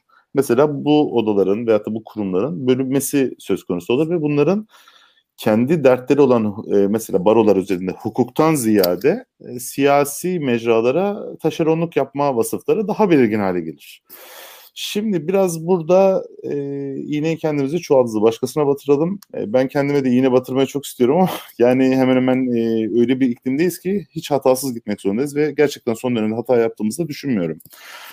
Ama mesela özellikle yargı içerisindeki ya da iktidar partisi içerisindeki hukukçu meslektaşlarımız e, bir, bir nevi aslında biraz da meslektaşımız olduklarını e, hatırlasalar bence birçok derdi de deva olabilirler diye düşünüyorum. Aynı empati onlardan beklemek e, çok büyük haksızlık değildir diye düşünüyorum. Yani çünkü dünyada her şey siyaset değildir diye düşünüyorum. Niye? çünkü mesela şu çok acı bir şey. Türkiye'de en ufak bir siyasi e, husus olduğunda iktidar partisi bunu hemen yargıya havale etmeye çalışıyor. Yani bu çok acı değil mi? Mesela siz sordunuz ya hiç siz kırılmıyor musunuz, alınmıyor musunuz? Mesela ekonomik gereklerden dolayı işte hukuk hemen işte söz konusu oluyor, aracılık yapı, yaptırmaya çalışılıyor. Alınmıyor musunuz? Alınıyoruz işte yani söylüyorum. Yani mesela en ufak bir şeyde hemen bir tazminat davası açılıyor, hemen bir suç duyurusu oluyor ve otomatik olarak yani savcılar onların lehine karar veriyor, hukuk hakimleri tazminat taleplerini kabul ediyor ya da biz açtıysak tazminat davasını bizim taleplerimiz reddoluyor. Yani şimdi öyle bir düzen ki e şimdi buna imza atan insan da meslektaşımız. Yani o da karşımda kürsüde cübbesini giymiş bir hakim ve kimdir yani belki de 20 sene önce giymiş bir hakim. Hadi yeni hakim de olmasın. Ee, ama bakıyorsun bir gerekten ötürü böyle saçma sapan kararlar işte hemen hemen her gün karşımıza çıkmakta. Ve bu artık öyle bir seviyeye gelmiş durumda ki vatandaş da yani eskisi eskide olduğu gibi bunu görmemezlik yapmıyor. Yani mahalle arasına girdiğinizde sokakta, gerçi şu an kahveler kapalı ama diyelim hadi köşe başında konuşurlarken E, ya işte bu davada da şu olmuş, bu davada böyle olmuş. Ya adamlar işlerini biliyor kardeşim. Onlara hiçbir şey olmuyor. Baksana işte yargı e, unsurları da onların hizmetinde gibisinden cümleleri çok çok çok çok fazla şekilde kullanmaktalar. Ya bence bir iktidarın bitişinin en büyük resmi budur zaten. Yani siz her yaptığınız e, icraatı e, hukuk destekli olarak, yargı destekli olarak meşrulaştırma aracına girer, girmişseniz eğer bence zaten sizin siyasal meşruiyetiniz bitmiş demektir. Ya bu o kadar önemli bir durum ki bu tespiti herkesin çok rahatlıkla da yapmasını isterim. Yani değil mi? Görmüyor muyuz? Yani mesela bir bir olayda en ufak bir şeyde savcılar, hakimler söz sahibi artık. Ve en ufak yani en basit şeylere bile onlar karar vermek zorunda. Şu Ayasofya meselesi. Mesela bu bunun çok tipik bir örneğidir. Yani buna değinmek istiyorum. Ee, yani Ayasofya meselesinde aslında Ayasofya Camii'nin yani ki tapu kaydında da öyle 1936 yılından beri aslında ibadete açılması, bakın cami çevirmesi değil, ibadete açılması olayı aslında çok basit bir Cumhurbaşkanlığı kararıyla mümkün olacak bir işlemdi. Yani eski Bakanlar Kurulu kararnamesinin günümüzdeki yani 2017'den sonraki karşılığı. Bunu yapamadılar. Çünkü en basit şeyde dahi bir inisiyatif alamadılar. Yani mesela Atatürk 1936 işte 34 yılıydı herhalde işte müze olarak kullanılmasını sağlarken demek ki o kadar güvenliydi ki kendine cumhuriyetin e, başında bir lider olarak hiç kimseye hiçbir yere sormaya gerek duymaksızın kendinden en ufak bir şüphe duymaksızın bir kararnameyle dedi ki arkadaşlar burası insanlığın evrensel yeridir. Burayı müze olarak kullanalım. Burada Sultanahmet Camii var. İstanbul'da bir sürü Selahattin Camimiz var. Değil mi? Bunlardan faydalanalım dedi mesela. Bilmiyorum orada değildim ama böyle dediğini düşünüyorum. Ama nitekim nitekim gördüğümüzde aradan e, kaç yıl geçti işte 80 yıl 90 yıl bilmiyorum artık. E, bir en basit işlemi de altına imza atamadılar. O kadar korkuyorlar çünkü. O kadar siyasal meşruiyetleri yok. Ve Danıştay heyetini topladılar. 2017'de verilmiş olan kesin karara karşı ki ben bu konuda bir makale yazdım Sosyal Demokrat Dergi oradan biliyorum ayrıntılarını. Bu karara karşı tam iki sene sonra bambaşka bir karar verdirdiler. Ve nitekim ne oldu biliyor musunuz? Mecburiyetten gittiler. Kariye Cami var ya, Kariye Müzesi. Orası ufacık bir yerdi. Roma'dan kalma bir kilise. Orası da müzeydi. Yargı karar verdiği için ve bağlayıcı olduğu için karar, siyasal bir karar veremedikleri için o güzelim yere de gittiler camiye çevirmek zorunda kaldılar. İçine 10 tane insan sığmaz. Yani böyle bir e, şeyin içerisindeyiz şu an. Yani e, dolayısıyla insan kırılıyor. Evet meslektaşlarına kırılıyor. O kürsü üzerindeki meslektaşlarına kırılıyor. O karşı partide siyaset yapan meslektaşına karşı da çok kırılıyor. Ben bunu şey yapıyorum yani görüyorum ya yapma diyorum ne gerek var diyorum. Tabii bunu söylüyoruz ama e, ekran önündekiyle arkasındaki söylemler bir olmuyor. Yani onu da buradan belirtmek isterim. E, yani tabii şimdi şeyleri saydınız bize, son dönemdeki davalara saydınız. İşte o saydığınız bütün davalar da bu siyasal yaklaşımların ürünü. Ama buna e, çok e, nasıl diyeyim gerekli bir parantez açmak isterim. Bu davaların e, temel gereği bence iktidar öyle istiyor diye değil. Şu an öyle bir siyasal iklime ihtiyaç var. Ve tamamen o siyasal iklime ihtiyaç duyulmasından ötürü bu davalar böyle sonuçlanıyor. Çünkü ülkede devamlı bir gerginlik olması lazım ve o gerginlikte ancak ve ancak yargı kararları sayesinde birinci derecede olabilir. Yani bahsettiğiniz yani Bülent Arınç çıkmış artık yani artık kim olması lazım? Abdullah Gül mü çıksın? Yani bunlar AK Parti zaten dört kişi kurdular. İşte bunlardan bir tanesi çıkmış diyor ki ya bu Osman Kavala niye hapiste? Demirtaş, Selahattin Demirtaş'ı unutmayalım. Selahattin Demirtaş niye hapiste? Çok açık bir şekilde soruyor. Ya artık yani kendi insanları bile bunları çok açık bir şekilde dile getirmişken e, bu sorulara cevap veremiyorlar. Cevap veremedikleri gibi de bunları susturmak, işte sümen altı etmek yoluna geçiyorlar. Ne yaptılar? İşte kaç yaşında adam yani ben Arınç da bizim meslektaşımız mesela. Hani söz oraya geldiği için söylüyorum. Arınç da bir avukat, çok da deneyimli bir avukat. Ama iki cümle söyleyemeden geri adım atmak zorunda kaldı. Ve kendi oğlu bile Twitter'dan kendi oğlu dedi ki bu gemi tektir, reisi de tektir gibi açıklamalar yapmak zorunda kaldı. Ya artık e, nasıl diyeyim hani izlerken başkası adına utanmak diye bir tabir vardır ya maalesef artık o aşamalara gelmiş durumdayız. E, bütün bu davalar vesairelerin sonucuna daha sonra geleceğim. Şimdiden bitiyor verelim. Yani bunların tabii bütün müsebbibi yani bütün müsebbibi demeyelim de şu an en azından e, reform için iktidar ne yapmak ister? Ülkenin geri kalanına bir adım atmak ister değil mi? Yani bir el uzatmak ister. Bir elini havada gel bir tokalaşalım demek ister. Ama o eli tutturmayan birisi var. Bir tane küçük ortağı var yanında. Ve ona muhtaç. Ve onun yüzünden en azından biz şu an hadi reform ya, hadi biz de onların niyetine göre gidelim. Onlar hadi o istiyor diye bu reform yapılamıyor olsun. Ama nitekim son söyleyeceğimizi en başından söyleyelim. İktidar bir yol ayrımında ve bu yol ayrımı e, ya kendiyle beraber ülkeyi de mahvedecek ya da gerçekten ve gerçekten içi dolu bir reformla beraber e, tekrardan e, bir başlangıç yaptığını e, belirtmek zorunda kalmasını sağlayacak. Bakın böyle zorunda kalmasını sağlayacak diyorum. Çünkü şu havaya da girilmesini istemiyorum. Sanki bir muhalefet partisi konuşuyor karşımızda parti lideri. Reform yapacağız, şunu yapacağız, bunu yapacağız. Ya bu bu bu siyasal dileme, dile de mahkum olmamak gerektiğini düşünüyorum. Şimdilik bu kadar söylüyorum. Evet İsmail Bey çok teşekkür ederim. Ee, ben Murat Bey ve Cem Bey'e geçmeden önce az önceki konuşmalarından aldığım bir iki not var. Murat Bey mesela şeyden bahsetti işte Türk ekonomisinin temel problemlerinden bahsetti üstü kapı olarak. Ya bunlar neler? Türk ekonomisinin hep problemleri var da e, şu anki bizim bir ekonomik reform yapmamızla bunun ne alakası var? Ya da e, neyi nasıl çözebiliriz? Bir reformla çözülebilecek durumda mı bu? Yoksa zamana yayılabilecek ve e, istikrarla takip edilecek politikalara mı ihtiyaç var? 2001 krizi sonrasında IMF ile birlikte yapılan anlaşma gereği gibi ya da daha uzun vadeli IMF'siz de olsa e, böyle bir şeye mi ihtiyaç var? Bu konuda reformu değerlendirebilirsiniz. Yani ideal bir reform aslında sizce nasıl olmalı? Bununla alakalı söyleyeceklerinize ihtiyacımız var. Cem Bey'le mesela dövize ihtiyaç vardı. Yani biz bu dövizi e, böyle tefecilerden mi borçlanmak zorundayız? Başka türlü Türkiye'nin döviz ihtiyacını karşılamanın herhangi bir aklı selim, ahlaklı ve vicdani bir yolu yok mudur? Yani Türkiye şu anki kısa vadedeki, orta vadedeki, uzun vadedeki döviz ihtiyacını nasıl karşılayacak? Hangi politikaları izlemesi gerekir? Yani bu sürekli günü kurtarmaktan, o döngüye girmekten çıkmanın bir yolu yok mu? Ya da şunu yapabilir miyiz mesela? İkinize de sormak istiyorum açıkçası. Bir anayasal kurum olsa, işte iktidarlar keyfi olarak e, Türkiye'nin işte ekonomi politikalarını ya da ekonomik sistemini kendi keyiflerine ya da kendi çıkar odaklarını beslemek için değiştirmek gibi bir güce sahip olmasa bununla alakalı kurumlar işe yarar mı yoksa başka piyasa yöntemleri mi e, uygulanabilir? Bu konuda fikrinizi almak istiyorum. Murat Hoca ile başlamak istiyorum. Murat Hocam söz, söz sizde. Ben e, şöyle bir değiş tokuş önereceğim müsaadenizle. Cem Hoca'nın alanı kalkınmaymış. Benimki de uluslararası finans döviz kısmını ben üstüme alayım. İdeal e, büyüme modelinde uygunsa eğer kendisi anlatsın diyeceğim. Daha derinlemesine konuşabiliriz diye. Uygun mudur? Uygun ya benim için uygundur. Sizin için uygunsa da devam evet. edebiliriz. Öyle. Tamam.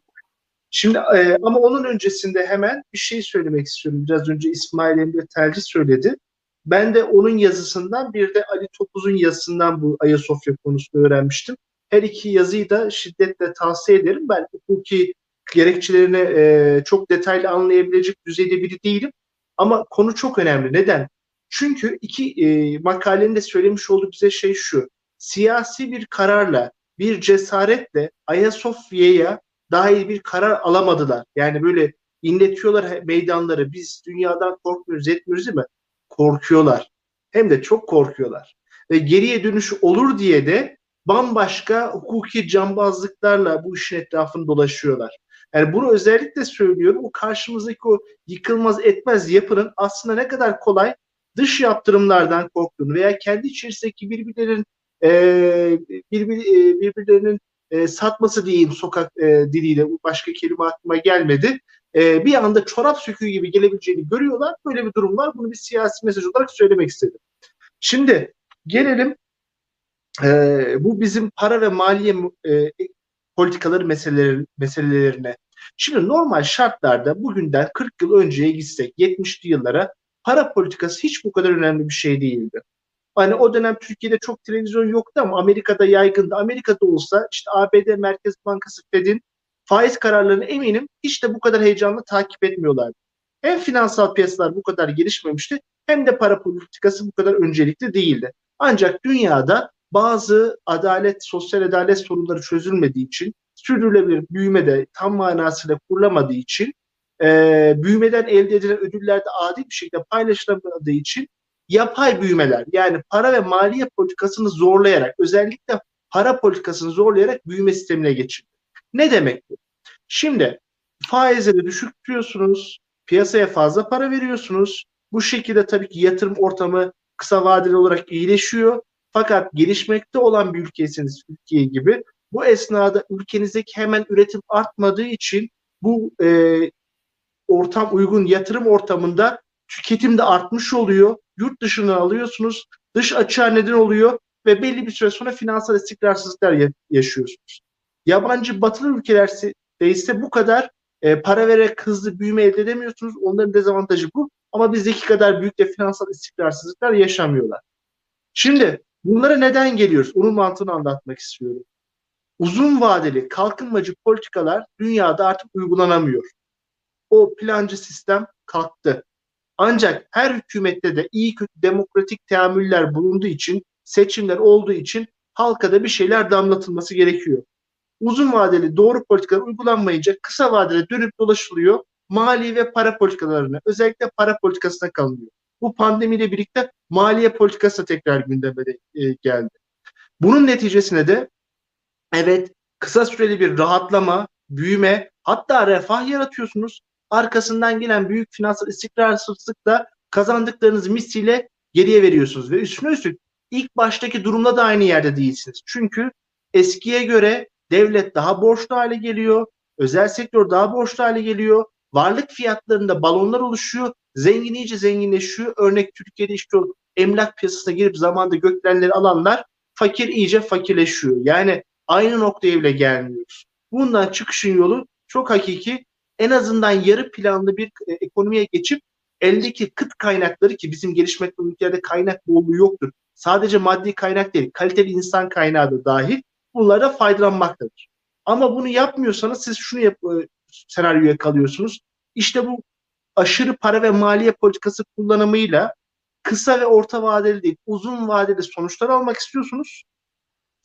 Dövize ihtiyaç hale e, ihtiyacınız olur hale geliyor. O dövizi bulamıyorsunuz veya bulmanız için bu sefer faizleri tekrar arttırmanız gerekiyor veya döviz kurunuzun kendi para biriminizin değersizleşmesine müsaade etmeniz gerekiyor. Yeniden yoksullaşıyorsunuz. İşte bu döngüden çıkmanın tek yolu var.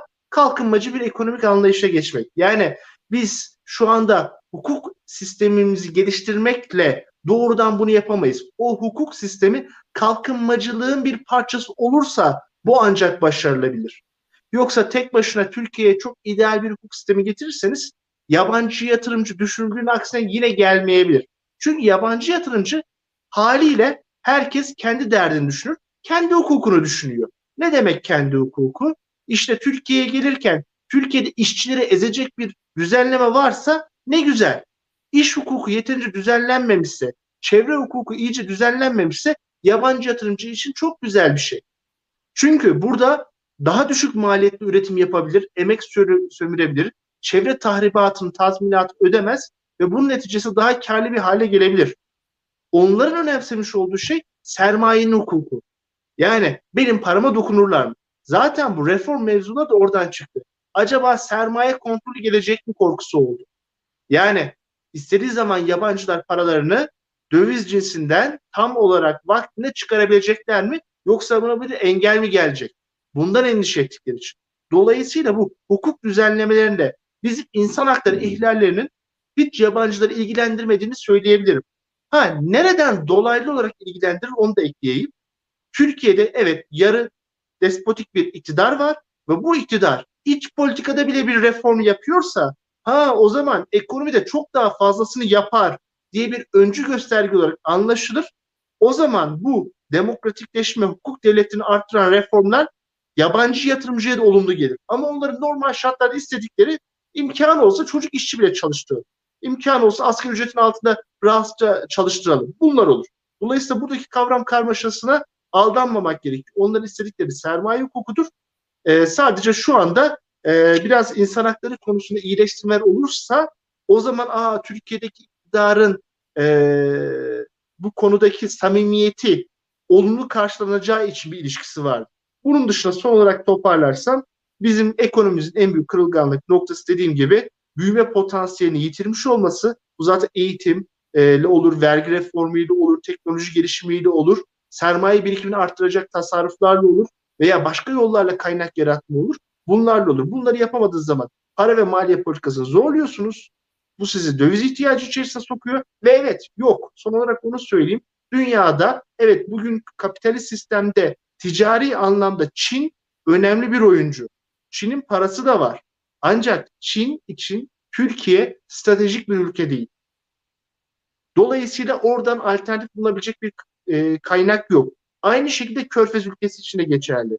Oradan Katar'dan gelebilecek fonların sınırı az çok bu. Katar parası hiç yok değil ama en büyük paraları Londra'ya götürmeyi tercih ediyor. Mesela Batı Avrupa'nın en yüksek binası Shard veya işte Londra'nın e, İskisi, Askisi, Thames Water veya Londra'nın işte bizdeki mikrosuna denk gelen Sainsbury'si hep Katarlı. Oralarda daha kaliteli yatırımlara gidiyor. Paraları yok değil. Ama neden sadece Türkiye'nin riskini alsınlar? Bu yüzden de kapitalist sistemde finansal lider Batı olduğu için Amerika başta olmak üzere işte onun iki büyük şubesi var. New York ve Londra. Bunun dışında Singapur'u, Tokyo'su, e, Hong Kong'u da dahil edersek dönüp dolaşıp buralardan para dilenmek zorunda kalıyorsunuz. Onlar da her seferinde daha yüksek faiz ve daha yüksek kur seviyesinde oluyor. Bu da bize işte ilk zamanda kısa vadede elde edilen e, büyüme ve refah aslında daha fazlasını kaybederek acı bir e, refah kaybıyla sonuçlanmış oluyor. Kusura bakmayın biraz uzun oldu. Estağfurullah. Evet Cem Hocam aslında en son ve en kritik noktada size söz hakkı vermiş oluyoruz. Yani ne olacak bu Türkiye'nin hali? AKP'nin yapması gereken reform paketinin içeriği nasıl olmalı? Bunun ekonomik ve hukuki boyutlarını da tartışırsak sevinirim. Söz hakkını seviyorum. Teşekkürler. Tekrar teşekkür Şimdi e, beni rahatsız eden şöyle bir nokta var Türkiye'de. Hukuk ve demokrasi reformu çoğunlukla şöyle bir perspektiften okunuyor. İşte hukuk ve demokrasi reformu yaparsak biz Türkiye'ye işte e, sermaye girişi olur ve ekon Türkiye ekonomisi sanki işte e, 2008 krizi öncesindeki gibi veya işte 2009-2013 dönemindeki gibi hızlı büyümeye devam eder gibi bir anlayış var. E, şimdi bunun iki tane sıkı, sıkıntısı var. Birincisi e, bir kere kalkınmayı biz sadece işsizlik ve ekonomik büyüme gibi göstergeler üzerinden okumamalıyız. Hukuk ve demokrasi ekonomik büyümeye etkisi olsun olmasın, e, istihdama olumlu etkisi olsun olmasın başlı başına kalkınmanın önemli bir boyutudur. Çünkü siz zengin bir ülkede yaşıyor olabilirsiniz ama e, bir gecede attığınız bir tweet nedeniyle e, gece evinizden alınıp e, tutuklanabilirsiniz. Veya işte zengin bir ülkede yaşıyor olabilirsiniz ama çok ciddi e, bir takım özgürlük anlamında kısıtlamalara da karşılaşıyor olabilirsiniz. Dolayısıyla yani biz aslında e, ekonomiye olan etkisinden bağımsız olarak daha iyi bir hukuk sistemi, daha iyi bir demokrasi istemek zorundayız. Bir kere bunu söyleyeyim. E, ikincisi de aslında sıkıntılı olan tarafı e, yani şu anda e, ki Türkiye'nin yaşadığı problemlerin bir kısmı e, evet e, hukuk ve demokrasi anlamında geri kalmamız ama bir kısmı da dünya konjektürünün dönüş değişmiş olması. Yani dünyada e, 2013'lerden sonra eskisi gibi bir para bolluğu yok ve sadece Türkiye değil bizim gibi bir sürü gelişmekte olan ülke aslında eskiye göre sıkıntı yaşıyor. Yani baktığınız zaman işte Arjantin'in de kırılganlıkları var, Meksika'nın da var, Güney Afrika'nın da var, e, Kolombiya'nın da var. Yani bizim gibi aslında cari açıkla büyüyen bütün ülkeler e, benzer sıkıntıları yaşıyor. E, bu anlamda bakıldığı zaman mesela e, Arjantin örneği enteresan bir örnek. Daha onlar kontrollü devletçi bir politika izlediler uzun süre. Ve mesela 2015 yılında işte Macri başkan oldu. Sağ hükümet geldi ve o aslında Arjantin hukuk anlamında bizden şu anda daha ileri bir ülke. Ve e, Macri de işte IMF'ye daha önceden ödenmeyecek borcunu ödeyeceğini söyledi. Daha işte piyasacı politikalar izledi. E, bu anlamda bir süre için Türkiye, e, pardon, Arjantin bir e, yabancı sermaye çekti ama e, uzun dönemde o da çare olmadı. Gene Arjantin sıkıntılar yaşamaya devam etti.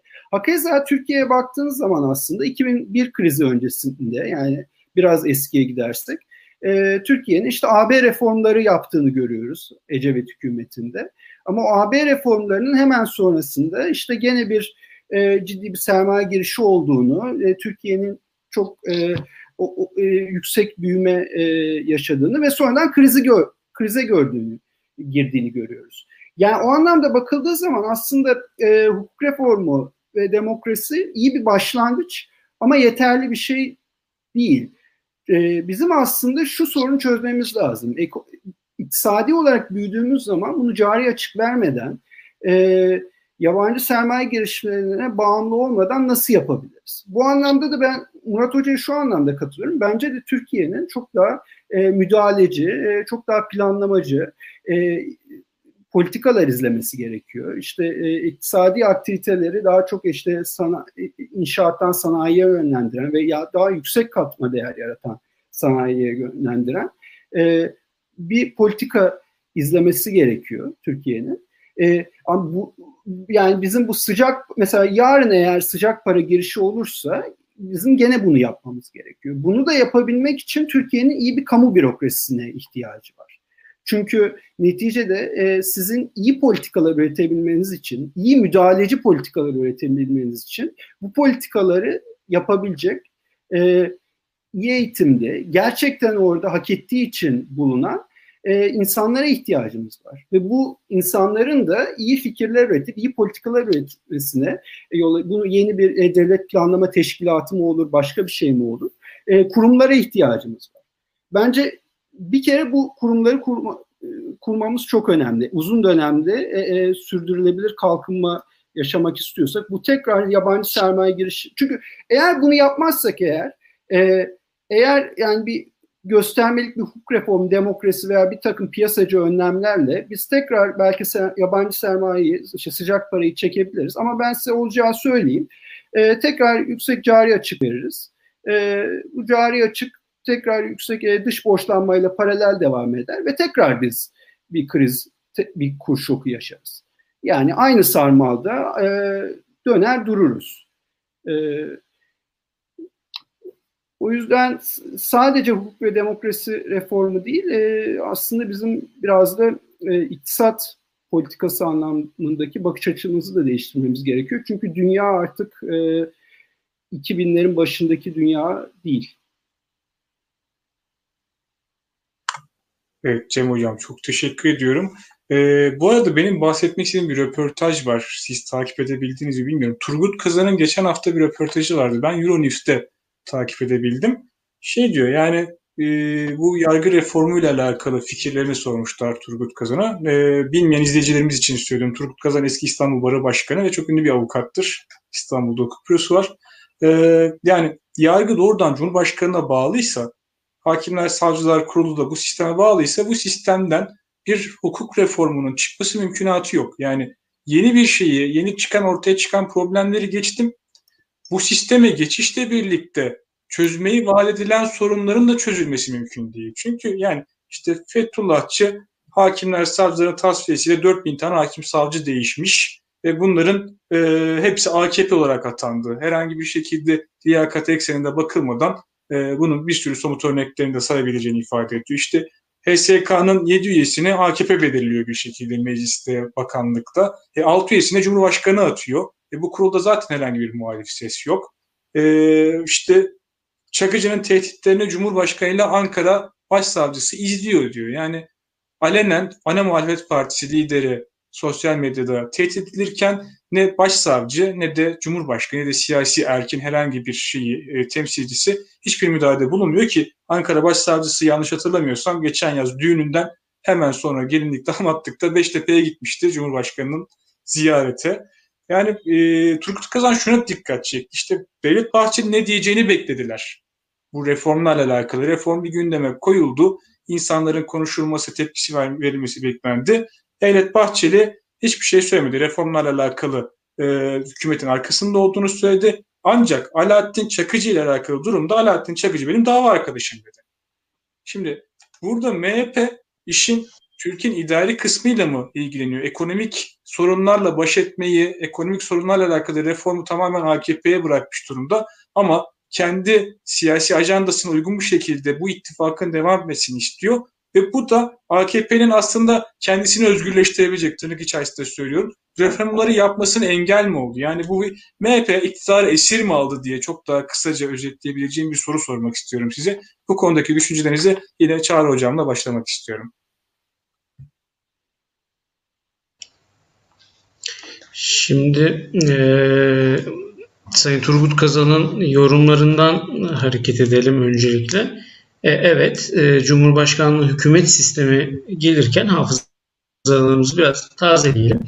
E, nedendi? Türkiye çağ atlayacak. Türkiye bambaşka bir noktaya gidecek. Bürokrasideki o tıkanıklık çözülecek. Ekonomideki sorunlar çözülecek. Hukukta zaten bütün e, sorunların çözümü bu sistemde olacak. Artık eskisi gibi eski Türkiye tırnak içinde söylüyorum eski Türkiye yok.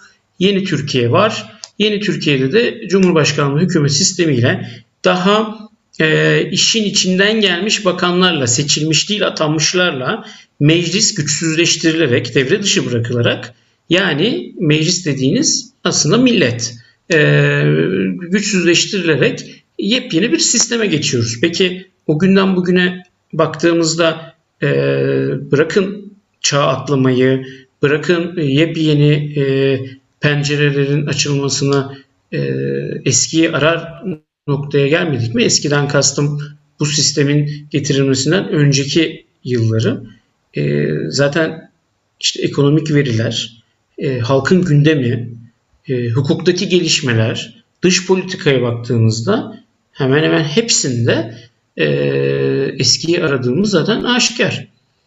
Bakın çok e, ekonomiyle ilintili bir şey söyleyeyim. Şimdi 3-4 gündür ne konuşuluyor? Katar'a Borsa İstanbul'un %10 satışı konuşuluyor değil mi? Şimdi öyle bir iklim var ki bu ülkede şu anda. Kaça satıldı? Bilenimiz var mı? Kaça satıldı? Bu %10 bu biz kaça sattık? Bilmiyoruz. Peki bunun için bir ihale, bir ön bilgilendirme yapıldı mı? Bir serbest piyasa koşulu oluştu mu? Başka alıcısı var mıydı? Ya da bunun görüşmeleri ne şekilde yapıldı? Hiçbir şey bilmiyoruz. Tek bildiğimiz %10 satıl. Şimdi siz bunu dile getirdiğiniz anda hukuken bunu sadece hukuken bakın siyaseten de değil hukuken bunu konuştuğunuz anda size bir etiket yapıştırılıyor. Şucu, bucu, ocu oluyorsunuz. Türkiye bu iklimden, bu zihniyetten, bu mantıktan kurtulamadığı sürece hukuk reformu, ekonomik reform ne derseniz adına hiçbir şeyin bir anlamı kalmaz zaten. Zaten bunun da samimi olmadığı anlaşılır. Evet. Bakın ee, dün CHP milletvekili ile ilgili olarak Ali ee, Mahir Başarı ile ilgili olarak jet hızıyla bir soruşturma açıldı. Siz biraz önce diyorsunuz ki Burak Bey, Alaaddin Çakıcı ile ilgili Ankara Cumhuriyet Başsavcısı. Ben size bir ekleme daha yapayım. Evet, düğünden e, Ankara Cumhuriyet Başsavcısı e, saraya gitti. Daha geçen hafta da Yargıtay'a üye seçildi. Bakın bu bir mesajdır. Bu bütün hakimlere, savcılara, Adalet Bakanlığı'na ve dolayısıyla bütün bürokrasiye bir mesajdır zaten. Kendisi şu anda Yargıtay üyesi oldu.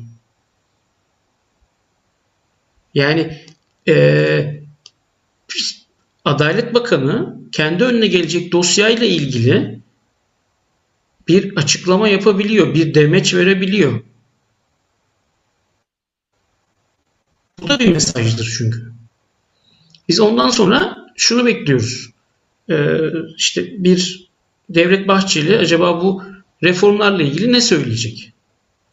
Ama Devlet Bahçeli çok açık bir şekilde çıkıp hakkında soruşturma açılmış birisiyle ilgili olarak o soruşturma da işte sosyal medyada gündem oldu. Çok fazla bir baskı geldi de günler sonra açıldı.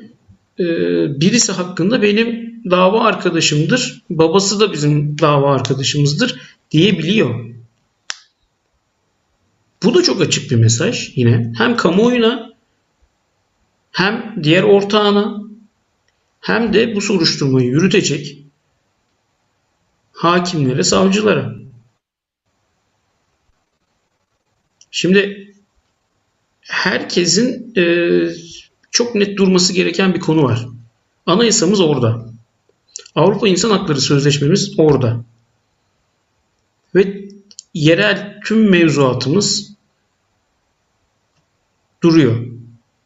bizler ister ülkeyi yönetin, ister bu ülkede bir sade vatandaş olun, sıfatınız, makamınız, ünvanınız ne olursa olsun bu kanun ve kurallara uymak zorundasınız. Ama şimdi öyle bir sistem haline gelmiş ki yargı, yürütme ve yasama. Yasama diye zaten bir organ kalmadı artık. Milletvekilleri kendi getirilen yasaların, iktidar milletvekilleri önlerine getirilen ve el kaldırdıkları yasaların içeriğini bilmiyorlar.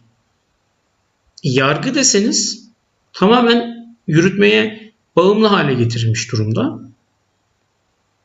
Ve herkes korkuyor. Ülkede herkes korkuyor. Biraz önce hocam söyledi bir tweet atılırsam tutuklanır mıyım endişesi taşırsam. Bu ülkede bir şey söylersem başıma bir şey gelir mi?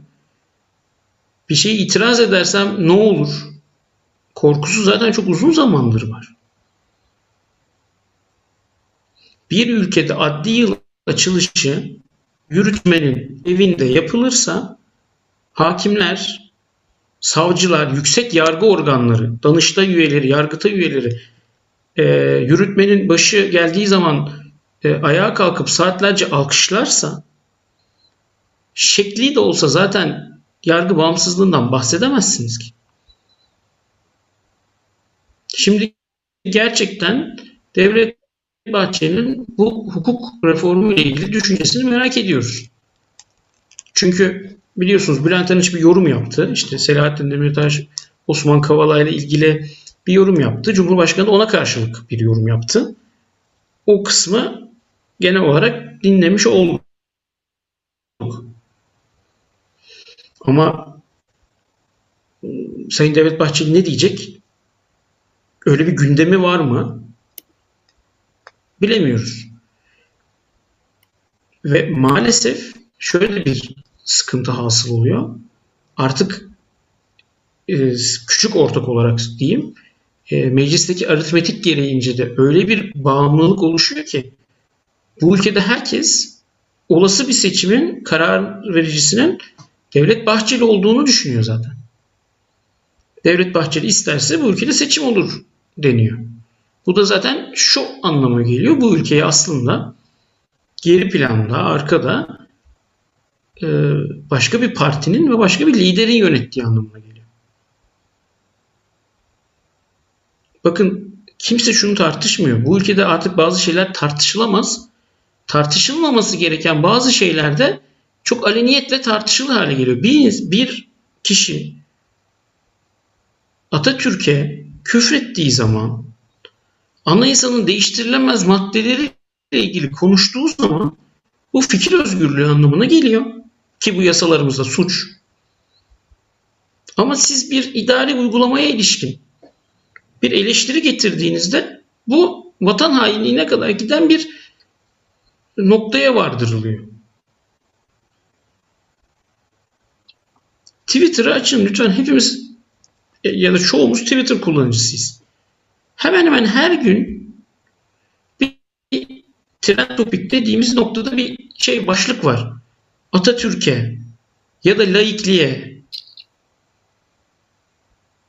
hakaretler, küfürler, paylaşımlar ama hükümet aleyhine bir paylaşım olduğu anda ya da bir dediğim gibi idari uygulamaya ilişkin bir paylaşım olduğu anda hemen e, işlem yapılıyor. Alaaddin Çakıcı ile ilgili bir paylaşım yapan kişi tutuklandı Aydın'da. Sabah evinden alınıp tutuklandı. Doğrudur yanlıştır demiyorum. Ama adalette en önemli ilke eşitliktir. Eşit davranacaksınız. Birine bir şekilde davrandığınızda diğerine de aynı şekilde davranmanız gerekir. Eşitlik olmadıktan sonra doğru verdiğiniz kararın da hiçbir anlamı yok zaten. O yüzden tekrarla söylüyorum. Evet e, Turgut Kazan Üstad'a katılıyorum. HSK'yı zaten iktidar belirliyor. Yeni anayasa sistemine göre. E, anayasa Mahkemesi'ne yüksek yargı organlarına seçilecek üyeleri hepsini zaten iktidar meclis kanalıyla hükümet kanalıyla atıyor ve çoğunluğu zaten bu şekilde elde ediyor. Bunun için çok fazla e, bir araştırma yapmak ya da yeni bir dünya keşfetmeye de gerek yok. Adalet Bakanı HSK'dan çekilirse, HSK gerçekten tarafsız bir kurul haline gelirse hakimler biraz olsun nefes alırlar. Şeffaflık çok önemli. Şeffaf e, bu ülkede e, siz işte ihalelerin e, verilen e, yapılan satışların şeffaf olduğuna inanıyor musunuz? En basitinden bu pandemi sürecindeki işte sayılar, veriler hepimizin aklında şu var. Bu sayılar açıklanıyor ama bu sayılar doğru değil. Çünkü şeffaflık yok. Çünkü güven yok. Sağlık Bakanı'na da yok, Adalet Bakanı'na da yok. Siz eğer Ankara Cumhuriyet Başsavcısını yargıta üyesi seçiyorsanız o zaman hukuk reformunu dile getirmeden önce yapmanız gereken çok ama çok fazla e, konu var. Çok fazla adım var atmanız gereken. Bunları öncelikle düzenleyeceksiniz ve son olarak şunu söyleyeyim. Türkiye gerçekten çok ciddi anlamda hukuki olarak Avrupa Birliği ve tüm dış ülkeler nazarında e, mahkeme kararlarının uygulanmadığı bir e, ülke konumuna düşüyor. İktidarın, siyasal iktidarın e, yargı üzerinde baskısını hissettirdiği bir ülke noktasına geldik. Bu algıyı da bir an evvel ve öncelikle değiştirmemiz gerekiyor. Teşekkür ediyorum. Çağrı Hocam ben de çok teşekkür ederim tekrardan. Ee, İsmail Retelci'ye geçmeden önce aslında bir ekleme bir şey daha sormak istiyorum. 18 Kasım'da Abdülkadir Selvi'nin bir yazısı var. Yazının sonlarına doğru e, bu reform paketlerinin, hukuk ve ekonomiyle alakalı reform paketlerinin AKP-MHP ilişkilerini gerdiğini ancak Devlet Bahçeli ve Recep Tayyip Erdoğan liderliğinin bu sorunları ortadan kaldırdığını, parti tabanlarında yaşanan ayrışmalarını giderildiğine dair bu minvalde bir yazısı oldu, bir açıklaması oldu. Yine Devlet Bahçeli'nin işte gerek Osman Kavala ile alakalı, gerek Selahattin Demirtaş'ta aslında bir yandan da Enis Berberoğlu'nu işte atanmış kayyumları, e, HDP'li birçok yöneticinin, milletvekilinin, belediye başkanının gözaltında hapishanede tutulması e, bunlarla alakalı olarak da hepsi birbirine benzer aşamada ve e, iktidarı tamamıyla kendi kontrolüne ve güdümüne almış olduğunu e, bir aslında esaret söz konusu olduğunu söyleyebilir miyiz? Yani Abdülkadir Selvi'nin de onun bile ifade edebileceği noktaya gelmiş olması ama üstünün kapandığını da söylemiş olması sizin için ne anlam ifade ediyor? Yani bunun aslında Amerika'daki bir başkanlık değişimiyle alakalı da e, ilgisi olabilir mi? Aslında çok bariz bir ilgisi olduğunu birçok kişi düşünüyor ama siz bu konuda ne söylemek istersiniz? İktidar bu konuyla alakalı bir vaziyet almaya mı çalışıyor? Yorumlarınızı bekliyorum. Teşekkür ediyorum. Evet, e, ben o zaman biraz siyasetçi kimliğimle bu soruya cevap vereyim. Hukukçu zaten Çağrı Bey gerekli hukukçuların söylemesi gereken şeyleri söyledi. Yani bu aslında bu gerginlik çok uzun süreden beri var. Ne zamandan beri var? Aslında 2015 Kasım ayından aslında o zamana giden yoldan beri var. Çünkü aslında AKP'nin sayısal çoğunluğu bir nevi yani Kürt seçmenlerinden de kaynaklanıyordu. Ve e, aslında 10 e, Türk kökenli e, Türkiye Cumhuriyeti vatandaşının eskiden 6 tanesinin oyun alırken sonra 5'e düştü bu, 4'e düştü, 3'e düştü. Sonra 2015 seçimlerinden sonra e, bu gitgide azaldı ve nitekim şu an e, belki de bu vatandaşların e, en fazla iki tanesini oyun alıyordur. O bile çok iyimser bir rakam. Tabii bu sayısal e, eksilme bir politika tercihini itti onu. Ya daha da şahinleşecek ve ülkenin geri kalanındaki milliyetçi kesim öyle alacaktı. E, ya da e, şey e, bir ortada duracaktı yani ne olduğu bilinmez bir şekilde var olan sözde demokrat görüntüsünü korumaya devam edecekti. Ama o tam bu sırada 2015 seçimlerinde kendisine bir el uzandı ve dendi ki ona sen gel ben senin e, korurum dediler.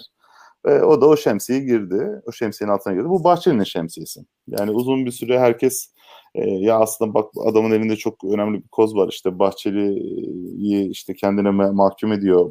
Bahçeli o yüzden ona yardımcı oluyor diye düşünceleri kapısa da işin sonunda görüldü ki hayır aslında öyle bir şey de yok. E, iki lider birbirine simbiyotik bir ilişkiye mecbur bırakmış hale geldi.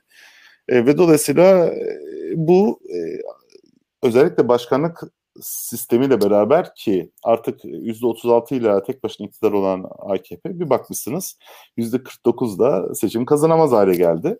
Dolayısıyla burada Bahçeli bu da çok iyi görerek e, iktidarın küçük, küçük ortağı olmakla beraber iktidarın fikri babalığını yapmaya başladı. Tayyip Erdoğan ilk başta bundan bir endişesi yoktu ama özellikle referandumla itibaren görülmeye başladı ki e, o kadar da fazla oyları yok. Yani bu çok çok önemli bir şey. Özellikle büyük şehirlerin gittiğini gördü. Büyük şehirlerde buna ilişkin bazı çözümler eski gibi seçimlere girildiği takdirde büyük şehirleri kaybedeceğini gördü. Ve önemli büyükşehir belediye başkanlarını istifa ettirdi. Ee, aslında bu tamamen seçime yönelik operasyonel bir hazırlıktı ama bunun karşılığını alamadılar. Ee, nitekim e, büyükşehirliği kaybettiler.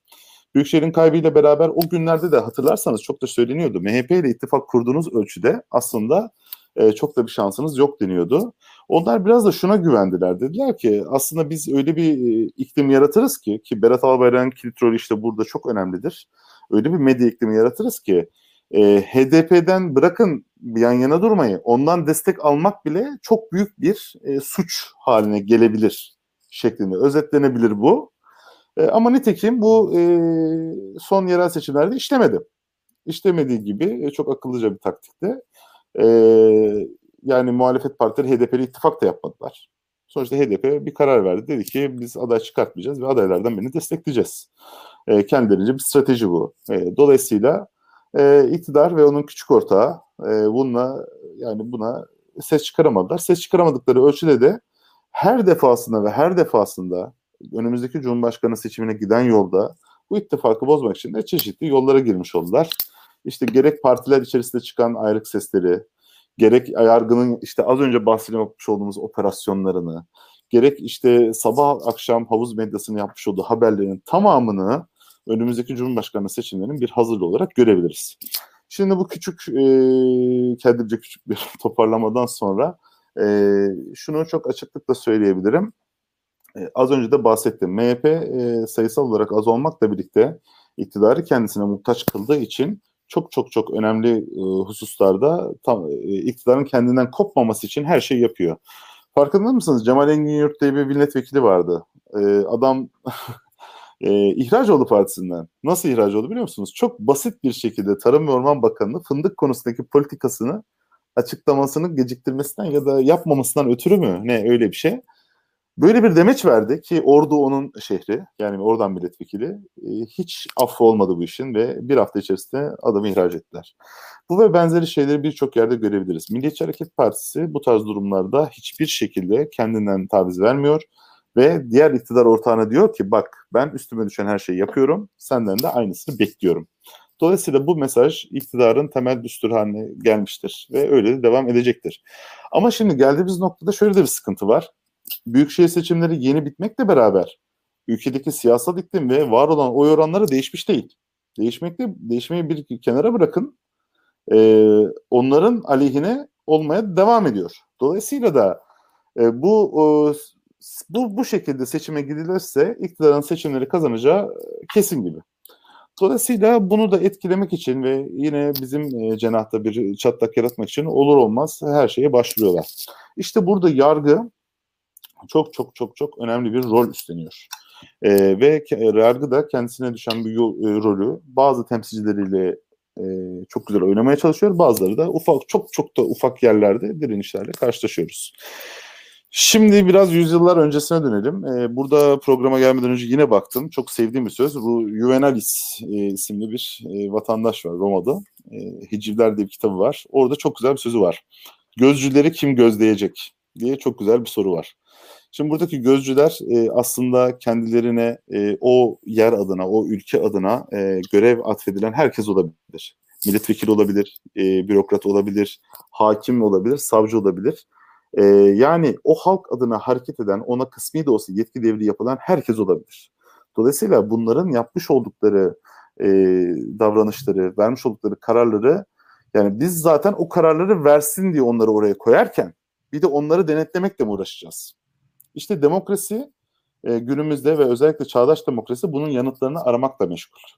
Dolayısıyla doğrudan demokrasi yıllarını üzerinden binlerce yıl geçmekle beraber ne yapıyoruz? Çoğulcu demokrasi diyoruz. Ve çoğulcu demokrasinin en önemli unsuru nedir? Denge ve denetleme mekanizması. İşte bu denge ve denetleme mekanizması olursa eğer tam olarak bir reformdan bahsedebileceğiz. Ee, ne demek istediğim anlaşılmıştır umarım. Yani denge ve denetlemenin olmadığı bir yerde bırakın demokrasi yani reformu demokrasinin değesi bile olamaz. Nitekim önümüzde birçok örnek var. Yani şu an bile 2017 yılındaki referandumdan beri e, Türkiye'nin geldiği noktada e, denge ve denetleme adına hiçbir şey olmadığını, var olan kurumların da yozlaştırıldığını, içlerinin boşaltıldığını görüyoruz. Yani Türkiye varlıklarının bulunduğu varlık fonunun dahi denetlenemediği, hesabının sorulamadığı bir ülkede neyin reformu? Yani bunu sormak en doğru hakkımızdır diye düşünüyorum. Az önce Üstad bahsetti. Yani bir Borsa İstanbul'un %10'u gidiyor. Tamam. Ee, hadi gidebilir diyelim. Çünkü kapitalist ekonomi insanlar, diğer ülkeler gelip mal satın alabilirler, alım yapabilirler. Bunların tabii değişik kuralları olmakla beraber her şey serbest değil mi? Ama en önemli hissedar olarak, bir kamu kuruluşu olarak bizler yani vatandaşlar malımızın kaça satıldığını öğrenemeyecek kadar aciz miyiz? Ben bilmiyorum. Yani o mal üzerinde benim yurttaş olarak hakkım varsa eğer o malın kaça satıldığını bilme hakkım benim en önemli hakkım değil mi? İşte geldiğimiz noktada aslında reform konusundaki en büyük adımın bütçe hakkı dediğimiz hakla beraber çok da doğru orantılı olduğunu söylemek lazım. Hani doğru orantılı terimin çok hafif kalabilir. En temel hak olması lazım. Yani çünkü bütçe hakkı ki Magna Carta'dan bu yana e, insanların hani ben vergi veriyorsam sebebini bana açıklamak zorundasın ya da işte bunu önceden belirlemek zorundasın, benimle anlaşmak zorundasın şeklinde yapılan anlaşmalardan bugüne yüzyıllar sonra bile biz Türkiye Cumhuriyeti'nde 2020 yılında mal varlıklarımızın dahi nasıl değerlendirildiğini, nasıl satıldığını bilemeyecek kadar aciz durumdayız. Dolayısıyla işte e, bütün bunlardan sonra ez cümle şunu söylemek istiyorum. Reform dediğimiz şey e, çok çok basit bir şey değil. E, ve maalesef 10 yıl önce, 10-15 yıl önce kör topal dahi olsa ki ben o kadar da kötü olduğunu düşünmüyordum sistemin ama şu günüme bakıldığı zaman çok da ileri olan bir sistemin ne kadar yozlaştırıldığını, ne kadar kötüye gittiğimizi görmüş durumdayız. Dolayısıyla bize bundan sonra e, düşen görev işte tam olarak işinin ehli bürokratları, hakimleri, savcıları, milletvekillerini, e, her türlü kamu otoritesini görev alacak olan e, yurttaşlarımızı iyi yetiştirmek, onlara iyi e, eğitim vermek, e, bunları sağlamak olabilir. Yani bizim reformu şu an yapmaya başlasak ki e, en aşağı 15-20 sene sadece bunların e, uygun e, vasıflı insanların yetişebileceğini ancak düşünebiliyoruz. E, çok çok çok çok çok işin başındayız. Ben bunu başaracağımızı düşünüyorum. Bunda çok e, hiç ümitsiz değilim. Ama öncelikle ve öncelikle bizim bizim gibi e, hukuk insanlarına, siyasetçilerin ya da hadi siyasetçi olayım, e, bizim gibi siyasetçilerin tekrar bizlere katkı vermeleri lazım. Yani hukuk ve siyaset birbirinden ayrılmayan öğeler, ayrılamazlar. E, rahmetli Rona Serozan hocamız bize ilk derste söylemişti. Hukuk öğrencisinin siyasette ne işi var diye bir soru sorulduğu zaman bizzatihi hukuk öğrencisinin işi siyasettir demişti. E, kendisi rahmet olsun ruhuna. Kendisini bir kere daha anıyorum buradan. E, bizlerin, hukukta, hukukçuların, siyasetçilerin, iktisatçıların el birliğiyle ve ortak akılla e, yeniden kuracağımız bir ülkeye ihtiyacı var ve bunu kuracağız. Ben buna inanıyorum. Şimdi bu kadar söylemek istiyorum. Çok teşekkür ederiz Emre Bey. Ee, Murat Bey ve Cem Bey tekrarını geçmeden önce aslında iktisatçı kimliğinizle, ekonomist kimliğinizle alakalı olarak size daha çok e, sorularda soru yöneltmek istiyorum. Yani sizce AKP, MHP ile ya da MHP'siz ya da herhangi bir yeni bir ittifak da kurabilir. Bununla alakalı da hayal gücünüzü kullanmakta serbestsiniz. Bir ekonomik reform yapabilecek güce, imkana, vizyona şu anda sahip mi? Yani bir 18 yıllık yorgunluk var e, ekonomiyle alakalı kadroların yorgunluğu, değişmişliği, çok fazla bir değişkenliğin olması da bir engel olarak nitelendirilebilir mi? Yani 18 yılda birçok şey düzelebilecekti ama Berat Albayrak bunu engel oluyordu. Berat Albayrak'ın istifa etmesiyle AKP'nin önü açıldı mı diyeceğiz. Yani tabii ki sorduğum bazı sorular size saçma gelebilir ama belki izleyicimizin arasında Bilal isimli birisi vardır. Onların da onun da anlayabilmesi için bu şekilde açarak sormaya çalışıyorum. Yani sizce artık 18 yılın sonunda bu tür reformların gerçekten var olabilmesi, sizin bahsettiğiniz sorunları temelden çözebilecek, uzun vadeli düşmemizi sağlayacak şeyler için mümkün mü? Sorun, e, sözü tekrar Murat Hoca'dan başlayarak devam etmek istiyorum. Buyurun Murat Hocam. Şimdi şöyle, e, AKP'nin önünde hazır bir program var. 2001'de denemiş olan, e, başlamış olan bir IMF istikrar programı var. Piyasacı bir program var. Ha bu sistem şu anda işe yarar mı? E, finansal istikrarı sağlamak açısından yarar. Zaten kendisinin de Cumhurbaşkanı da bahsetmiş olduğu acı reçete budur. Halkın refahı, ülkesinin kalkınması anlamındaysa hiç yaramaz. Yaramadığı gibi onu imkansız hale getirir. Yani ne olur? İşte iyi ihtimal evet Türkiye'de tekrardan faizler arttırılır. Dış borçları azaltacak bir politikaya girilir. Batık kredileri tekrardan toparlayacak yeni bir sürece girilir. E, bu çerçevede Türkiye uçurumdan aşağı giderken şu anda ucu ucuna sıyırmış olduğu yoldan birazcık daha mes- e, uzaklaşmış olur. Yani ucuz atlattık der ama bunun karşında da çok net bir fakirleşme, bir türlü artırılamayan istihdam, bir türlü artırılamayan işte o meşhur e, katma değerli üretim bunlara yaklaşamaz. E, ama önünde böyle bir şey var. Neler yapılacağını zaten TÜSİAD bunu söylüyor. Batı'daki diğer e, danışmanlık aldı işte bir dönem konuşulan McKinsey gibi şirketler söylüyor. Herkes bunu biliyor. Bunda zor bir şey yok. Sorun şu. Bu liberal reformlar kalkınmayı getirmiyor.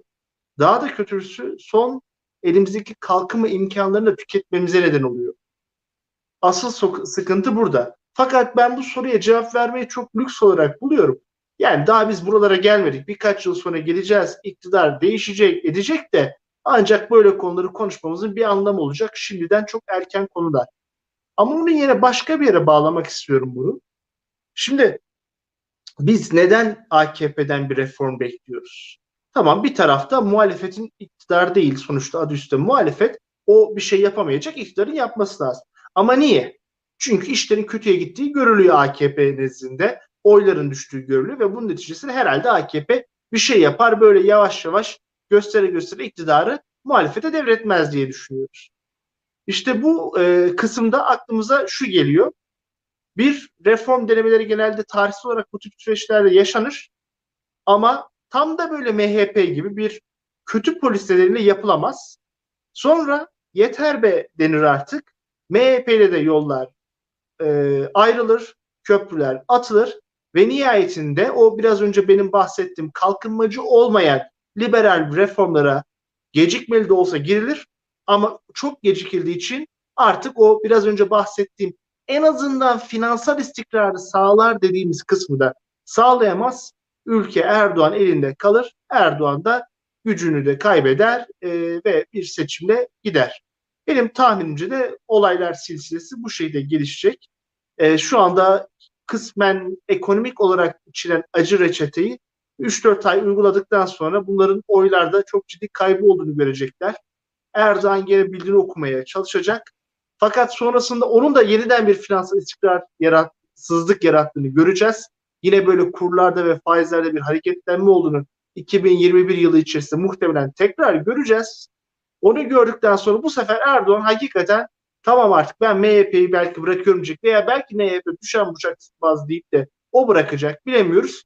Ama artık bırakın e, bu e, daha 2001'den kalan IMF reçetesi uygulayıp e, kalkınma sağlanamayacağını finansal istikrarı bile sağlayamaz hale geliriz ve onun da ardından bir seçimde olur. O yüzden de 2021 yılının son dönemini ve 2022 yılının ilk dönemini bence bu tip olaylar için heyecanla beklemek gerekiyor. Ama söylediğimiz gibi şu anda Türkiye'nin kalkınmacı bir politikası buralarda anlatmaya çok da gerek yok. Yani birkaç tane de ipucu vermiş olalım. Bir üretim fonksiyonu vardır iktisatta. Bunlar her bir değişkeni arttırırsanız toplamdaki üretim de artar. Değişkenler ne? Sermaye miktarı, başka iş gücü miktarı. Sermaye miktarı nasıl arttırıyorsunuz? Tasarruf yapıyorsunuz. Kendi içerinizde uzun vadeli kredi yaratabilmeyi, enflasyonsuz düşük faizi yaratabilmeyi başarıyorsunuz. Böyle oluyor. E, iş gücü nasıl artırıyorsunuz?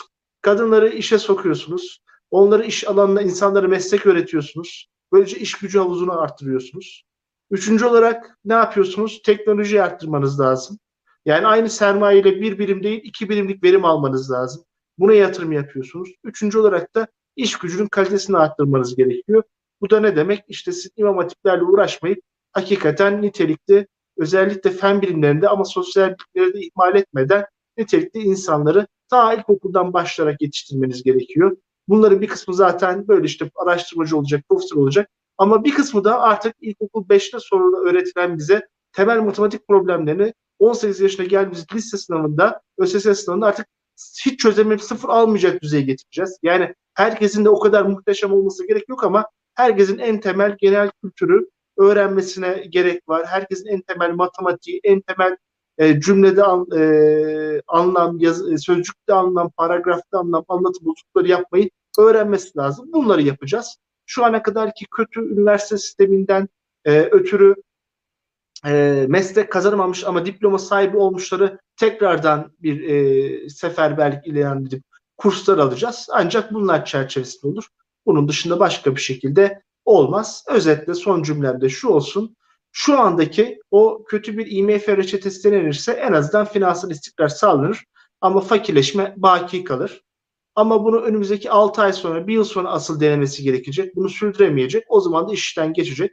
Kalkınmacı politikalarsa AKP'li tam zıttır. Nasıl adaleti isminde yazmasına rağmen vermiyorsa kalkınmayı isminde yazdığı için ona inat herhalde bize asla vermeyecektir diyerek tamamlıyorum sözlerimi. Teşekkürlerimi sunarım. Evet Murat Hocam ben size çok teşekkür ederim. Cem Hocam size fazladan söz hakkı da verebilirim. Size daha az söz hakkı verdim. Ee, yine aynı esaslarda, aynı konu başlıklarında sizin de yorumlarınızı bekliyorum. Buyurun söz hakkı Teşekkür sizde. Ederim.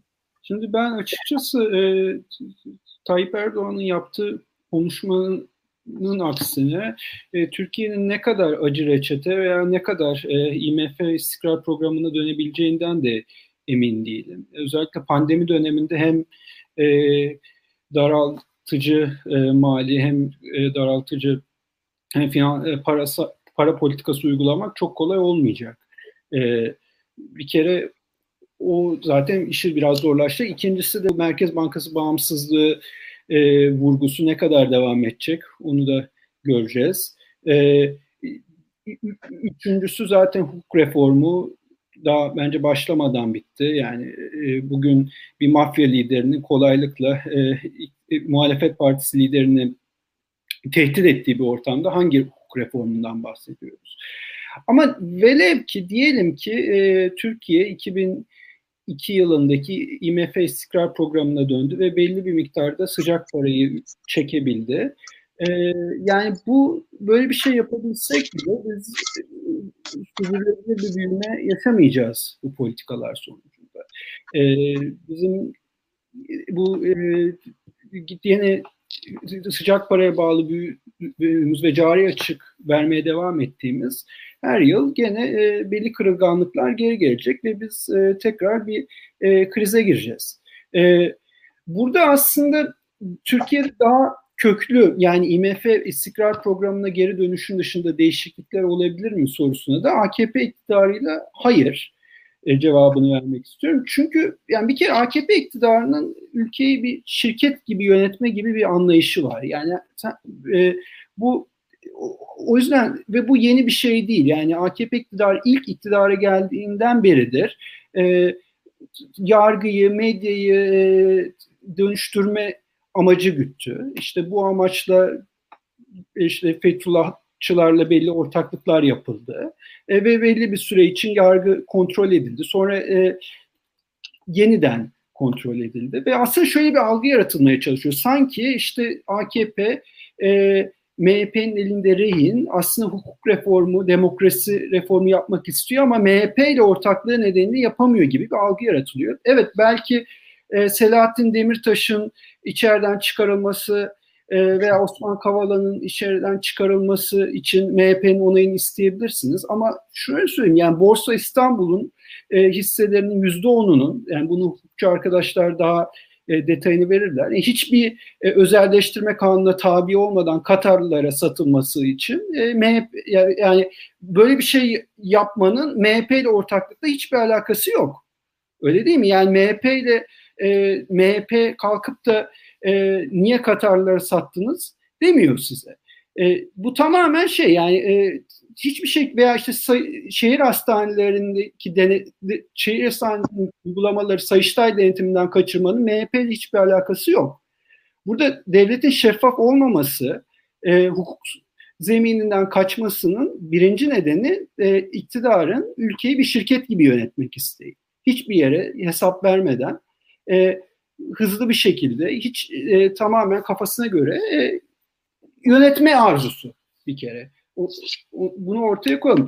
İkincisi e, AKP'nin eğer kalkınmacı bir politika izleyecekse dediğim gibi iyi bir kamu bürokrasisine e, ihtiyacı var. Mesela e, geçtiğimiz dönemde belli devlet müdahaleleri yapmaya çalıştı AKP. İşte yerli araba projesini gündeme getirdi. E, buna bir sermaye ayırıyor. Veya işte bunu yönlendiriyor e, sermayedarlarla birlikte. Ama mesela ben size şunu soruyorum. Yani Türkiye neden yerli araba üretmeye çalışıyor da neden yerli uçak üretmeye çalışmıyor?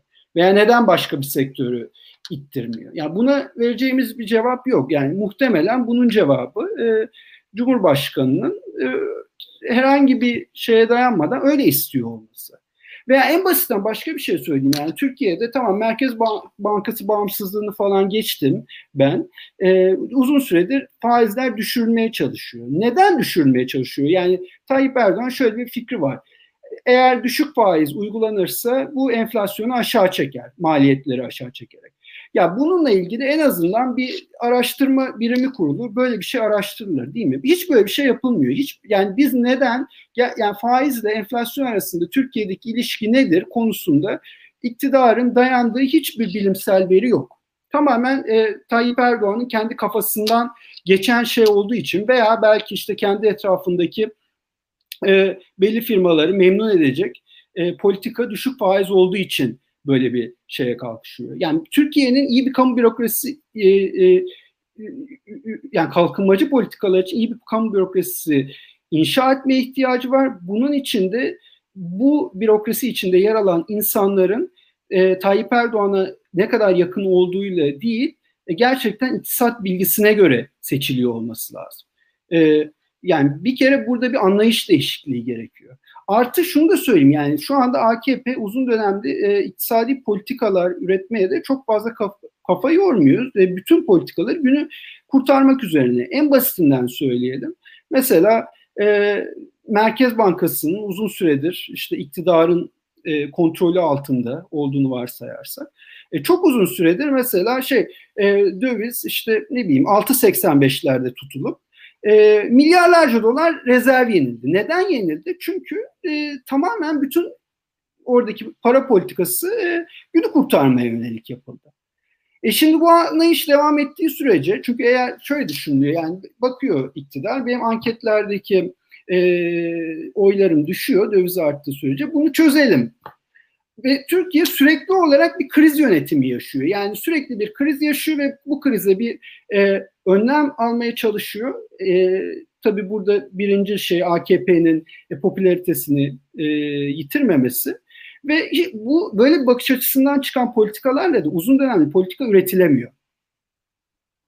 O, o yüzden yani bağlarsam e, şu iktidarla açıkçası e, ben e, herhangi bir e, Türkiye'yi değiştirecek bir değişim olacağını düşünmüyorum.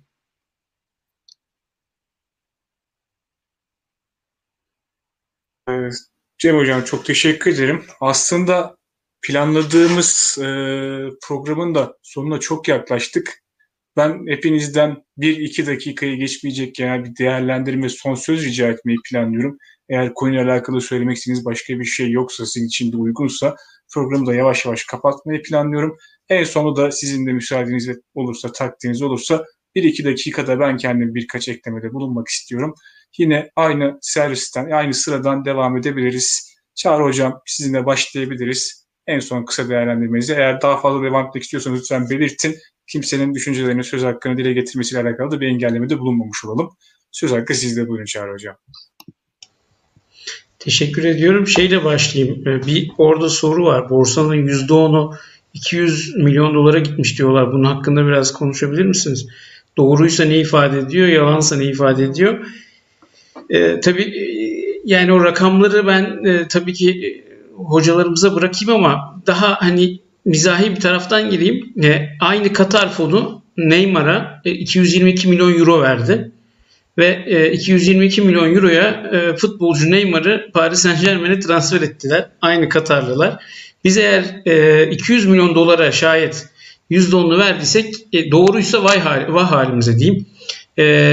Yanlışsa da yalansa da lütfen yetkililerden bu rakamın gerçek rakamın öğrenmek hem bütün vatandaşlarımızın hakkıdır diye düşünüyorum.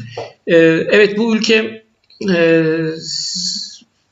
çok ciddi sorunları, çok ciddi sıkıntıları bir arada yaşayan e, gerek coğrafyasından kaynaklı gerek e, içinde bulunduğu ekonomik ve e, hukuki siyasal e, problemlerden kaynaklı e, bir e, durumda. E, meslektaşıma katılıyorum. E, bu sorunların çözülmesi e, çok uzun zaman alabilir. Ee, çok fazla e, yürüyecek yolumuz olabilir. Ama bu ülke bunları da başaracak. Güçte yeter ki e, ben hukuku hep en başa ve en e, tepeye koyuyorum. Çünkü o olmadığı sürece işte ekonominiz ne kadar iyi giderse gitsin, ne kadar çok ne kadar az işsiz sayınız olursa olsun, ne kadar fazla yatırım yaparsanız yapın bunun sürdürülebilirliğinin olmadığını düşünüyorum.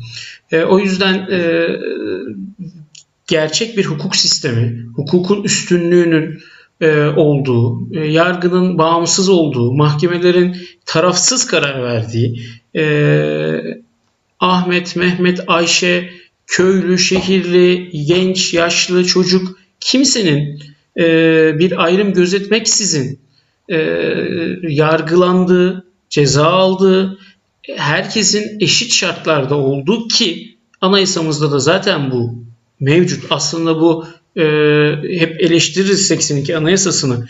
E, eksik olduğunu e, artık e, günümüz çağının e, gereklerini yerine getirmediğini gerçekten sivil bir anayasa yapılması gerektiğini hep söyleriz.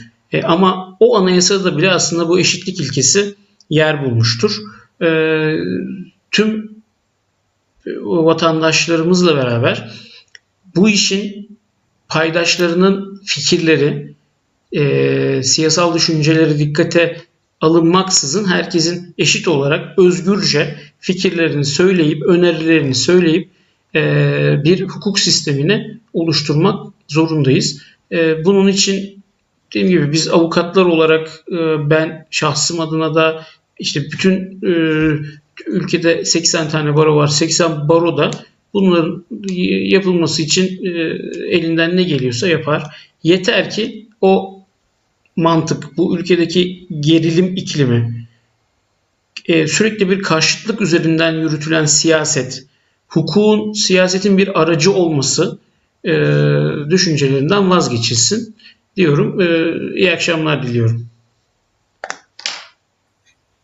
Çok teşekkür ederiz Çağrı Hocam. İsmail Bey sizinle devam edelim. Sizin de son temennileriniz yine 1-2 dakikaya geçmeyecek şekilde. Söz sizde buyurun. Evet, yani benim e, çok kısa tutacağım. E, bu ülke 1950 yılında e, serbest seçimlerden hemen önce Yüksek Seçim Kurulu gibi bir organı e, o dönemki aktörlerin uzlaşısıyla beraber kurmuştu. E, ve o günden bugüne e, Türkiye'de zaten çok az şey, e, çok doğru dürüst ilerleyebiliyordu ve bir seçim sisteminin de bunlardan biri olduğunu söyleyebiliriz. Ama eskiden beri iyi olan her şey hani sırayla bozulur ya işte ÖSYM'nin sınav sistemi gibi ve diğer şeyler gibi iyi işleyen seçim sistemimizde maalesef geçen seneki yerel seçimlerde çok büyük bir yara aldı. Ama en azından bizim oradaki duruşumuz şöyleydi. E, biz bugünleri de atlatacağız. Merak etmeyin. Korkmaya gerek yok. Her ne kadar skandal kararlar alınmış olsa da e, meşru sistemi biz koruyalım. Meşruiyete inanalım. Çünkü yarın öbür bugün beğenmediğimiz şeylere yarın bizim ihtiyacımız olacak. Yani bunu unutmayalım ve bazı şeyleri ayakta tutmaya gayret edelim. Dolayısıyla bizim bakış açımız budur. Biz bugün bu sistem içerisinde yaşıyorsak ve umutluysak e, yarın bu ülkeyi biz yönettiğimizde e, bunlara ihtiyaç duyacağımız içindir. Meşru sistemi ayakta tutmak e, ve bunu birlikte kurmak, beraberce yaşatmak bizim bizim için en önemli görev. Şu aşamada biliyorum yani o günler biraz e, uzak diye bakıyor insanlar. Hayır öyle bakmayalım. Bence çok yakın. E, sonuçta şunu bilelim. Sistemde e, sistem yeni oluşturulurken orada rol alacak arkadaşlar eğer sistem meşruluğunu her şeyden önce tutarlarsa başarı da o oranda gelecektir diye düşünüyorum. E, dolayısıyla e, kimse umutsuzluğa kapılmasın. E, bizim burada e, mücadelemiz devam ediyor. E, denge ve denetleme mekanizmaları zaten öyle ya da böyle hani su akar yatağını bulur diye bir deyim var ya. E, yani yanlış karar da olsa bunun tespiti dahi günümüzde çok önemlidir. Yani bazı şeyler e, çok speküle edilebiliyor işte yargı şu karar az önce saydınız mesela Kemal Kutlu davası vesaire. Ya bunun yanlış olduğunu bile taraflı bir karar olduğunu bile anında dile getirilmesi ve vatandaş nezdinde o kararın meşru sayılmaması bile bizim için bir kazanımdır. Dolayısıyla direniş her yerde. E, bunu devam ettirmek gerekiyor. E, bu duygularla herkese sevgi ve saygıyla selamlıyorum. Teşekkür ediyorum. Çok sağ olun. Emre Bey tekrardan teşekkür ederiz. Ee, Murat Hocam sizinle devam edelim. Yine aynı esaslarla. Ben daha da kısa bir şekilde ifade edeyim. Problemi buralara kadar getirenler, ülkeyi bu hallere sokanlar hiçbir şey değiştirmezler. Değiştirmeyi de istemezler. Artık sistem esnekliğinde kaybetti. Yepyeni bir Türkiye düşünmek zorundayız. Ee, artık bunun oluşturulması için çalışmaktan başka çare yok. Burada da dikkat edilmesi gereken şey şu. Amaç yalnızca iktidar olmak, gücü ele geçirmek olmamalı. Türkiye'yi yeniden bir e, kalkınma hamlesine sokmak, elde edilen refahı adil bir şekilde dağıtmak, e, toplumun iç cumhuriyetin ulaşamadığı kesimlerin ulaşmasını sağlamak olmalı. Dolayısıyla e, evet işler daha kötü olacak önümüzdeki bir yılda ama moralleri de bozmayalım, umutla bakalım. Birkaç yıl sonra da bu ülkeyi hiç kimsenin tahmin etmeyeceği iyi yerlere taşıyacağımız umuduyla çalışmaya devam edelim diyerek tamamlıyorum saygılarımla. Tekrardan teşekkür ederiz. Evet Cem Hocam son söz sizde yine e, konuşma özgürlüğünüz, süre özgürlüğünüz var. Buyurun sözü size bırakıyorum. Teşekkür ederim. Yani burada aslında iyi niyetli saf olmaya e, gerek yok. E, gereksiz bir şekilde e, AK Parti iktidarına ümit bağlamaya gerek yok. Bu iktidarın e, demokrasi, hukuk alanında veya ekonomi alanında e, bir şeyleri değiştirme ihtimali yok. E, hukuk alanında yapacağı değişiklikler e, Türkiye'nin bir anda bir hukuk devleti haline dönmesi bir kere her şeyden önce kendisinin e, kendi döneminde yapılan usulsüzlükler ortaya saçılır. Eğer Türkiye bir günde hukuk devleti olursa. Zaten şu anda geldiğimiz noktada da açıkçası Cumhurbaşkanı söylemlerinden dışında herhangi bir hukuk anlamında yapılmış bir e, düzenleme görmüyoruz, bir adım görmüyoruz, somut bir adım. E, yani bu iktidarın ekonomi anlamında da ekonomi, iktisadi model değiştirecek bir anlayışı da yok, e, kadrosu da yok. E, o yüzden bu iktidardan artık ümit beslemeyi bırakmalıyız eğer hala besleyenler varsa. E, muhalefet partilerinin de e, açıkçası sadece hukuk ve demokrasi reformu yaparak, sadece piyasacı e, politikaları izleyerek Türkiye'yi uzun dönemde sürdürülebilir bir büyüme e, rotasına sokabileceğini düşünmemesi lazım. Bunun bundan çok daha geniş bir perspektifle, çok daha kalkınmacı politikalarla, e, çok daha inovatif politikalarla e, ülkeyi düzlüğe çıkarabileceğini e, aklında tutması lazım. Yoksa eğer biz e, piyasacı politikalarla devam edersek belki bir CHP iktidar ya başka bir iktidar e, başımıza gelirse belki bir süre için gerçekten ülkeyi toparlarız ama sonrasında tekrar benzer sorunları yaşamaya devam ederiz. Teşekkürler. Hepinize teker teker tekrardan çok teşekkür ediyorum. Ciddi bir zaman ayırdınız, ciddi bir emek sarf ettiniz. Bu akşam bizimle ve izleyicilerimize güzel bir program sunduğumuzu düşünüyorum ben. Son olarak program esnasında sürenin de kısıtlı olmasından ve sizden de çok açıkçası söz hakkınıza e, mütecaviz olmamak adına çok bahsetmedim ama geçenlerde haberlerde okuduğum yine bir şey. Urfa'da dört aşirette bir protokol imzalandı. Aile Bakanlığı tarafından. Protokol dört tane aşiretin bundan sonra çocuk yaşta evliliklerin önüne geçilmesiyle alakalı bu aşiretlerle işbirliği yapacağını ve bu aşiretlerden bu tür e, hadiselerin yaşanmaması noktasında kağıtta imzalı bir söz aldığını ifade ediyordu. Yani hukukçular benden çok daha özetleyecektir eminim bu konuyu. Çok daha iyi anlayabiliyorlardır ama yani bir devlet kendi egemenliğini herhangi bir bölgede ne kadar büyük olduğunun önemi yok.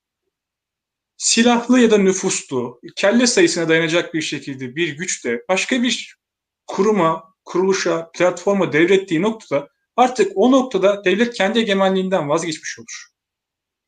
Orada devletin artık devlet olma vazifesinin ortadan kalkmış olduğunu görmüş oluruz. Yani çocuk yaşta bir evlilik varsa devlet orada aşiretlerle protokol imzalamamalı.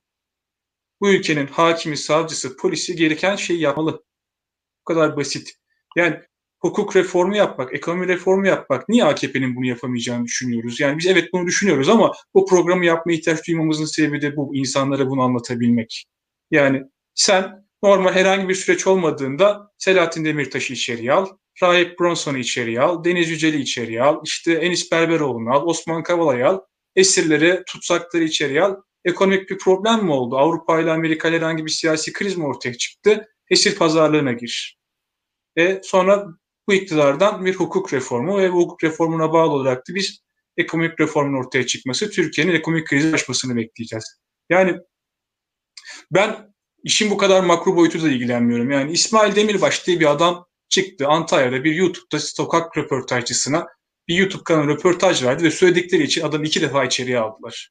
Ya bunlar sıradan insanlar.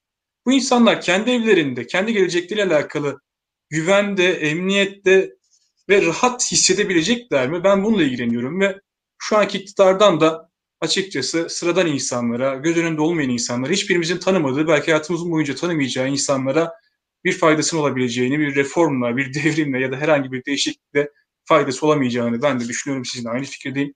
Bu akşam bize zamanla ayıran herkese çok teşekkür ederim. Katılımcı hocalarımıza tekrardan çok teşekkür ediyorum. Bizi izlediğiniz için çok teşekkürler. Tekrardan herkese çok fazla teşekkür ettim.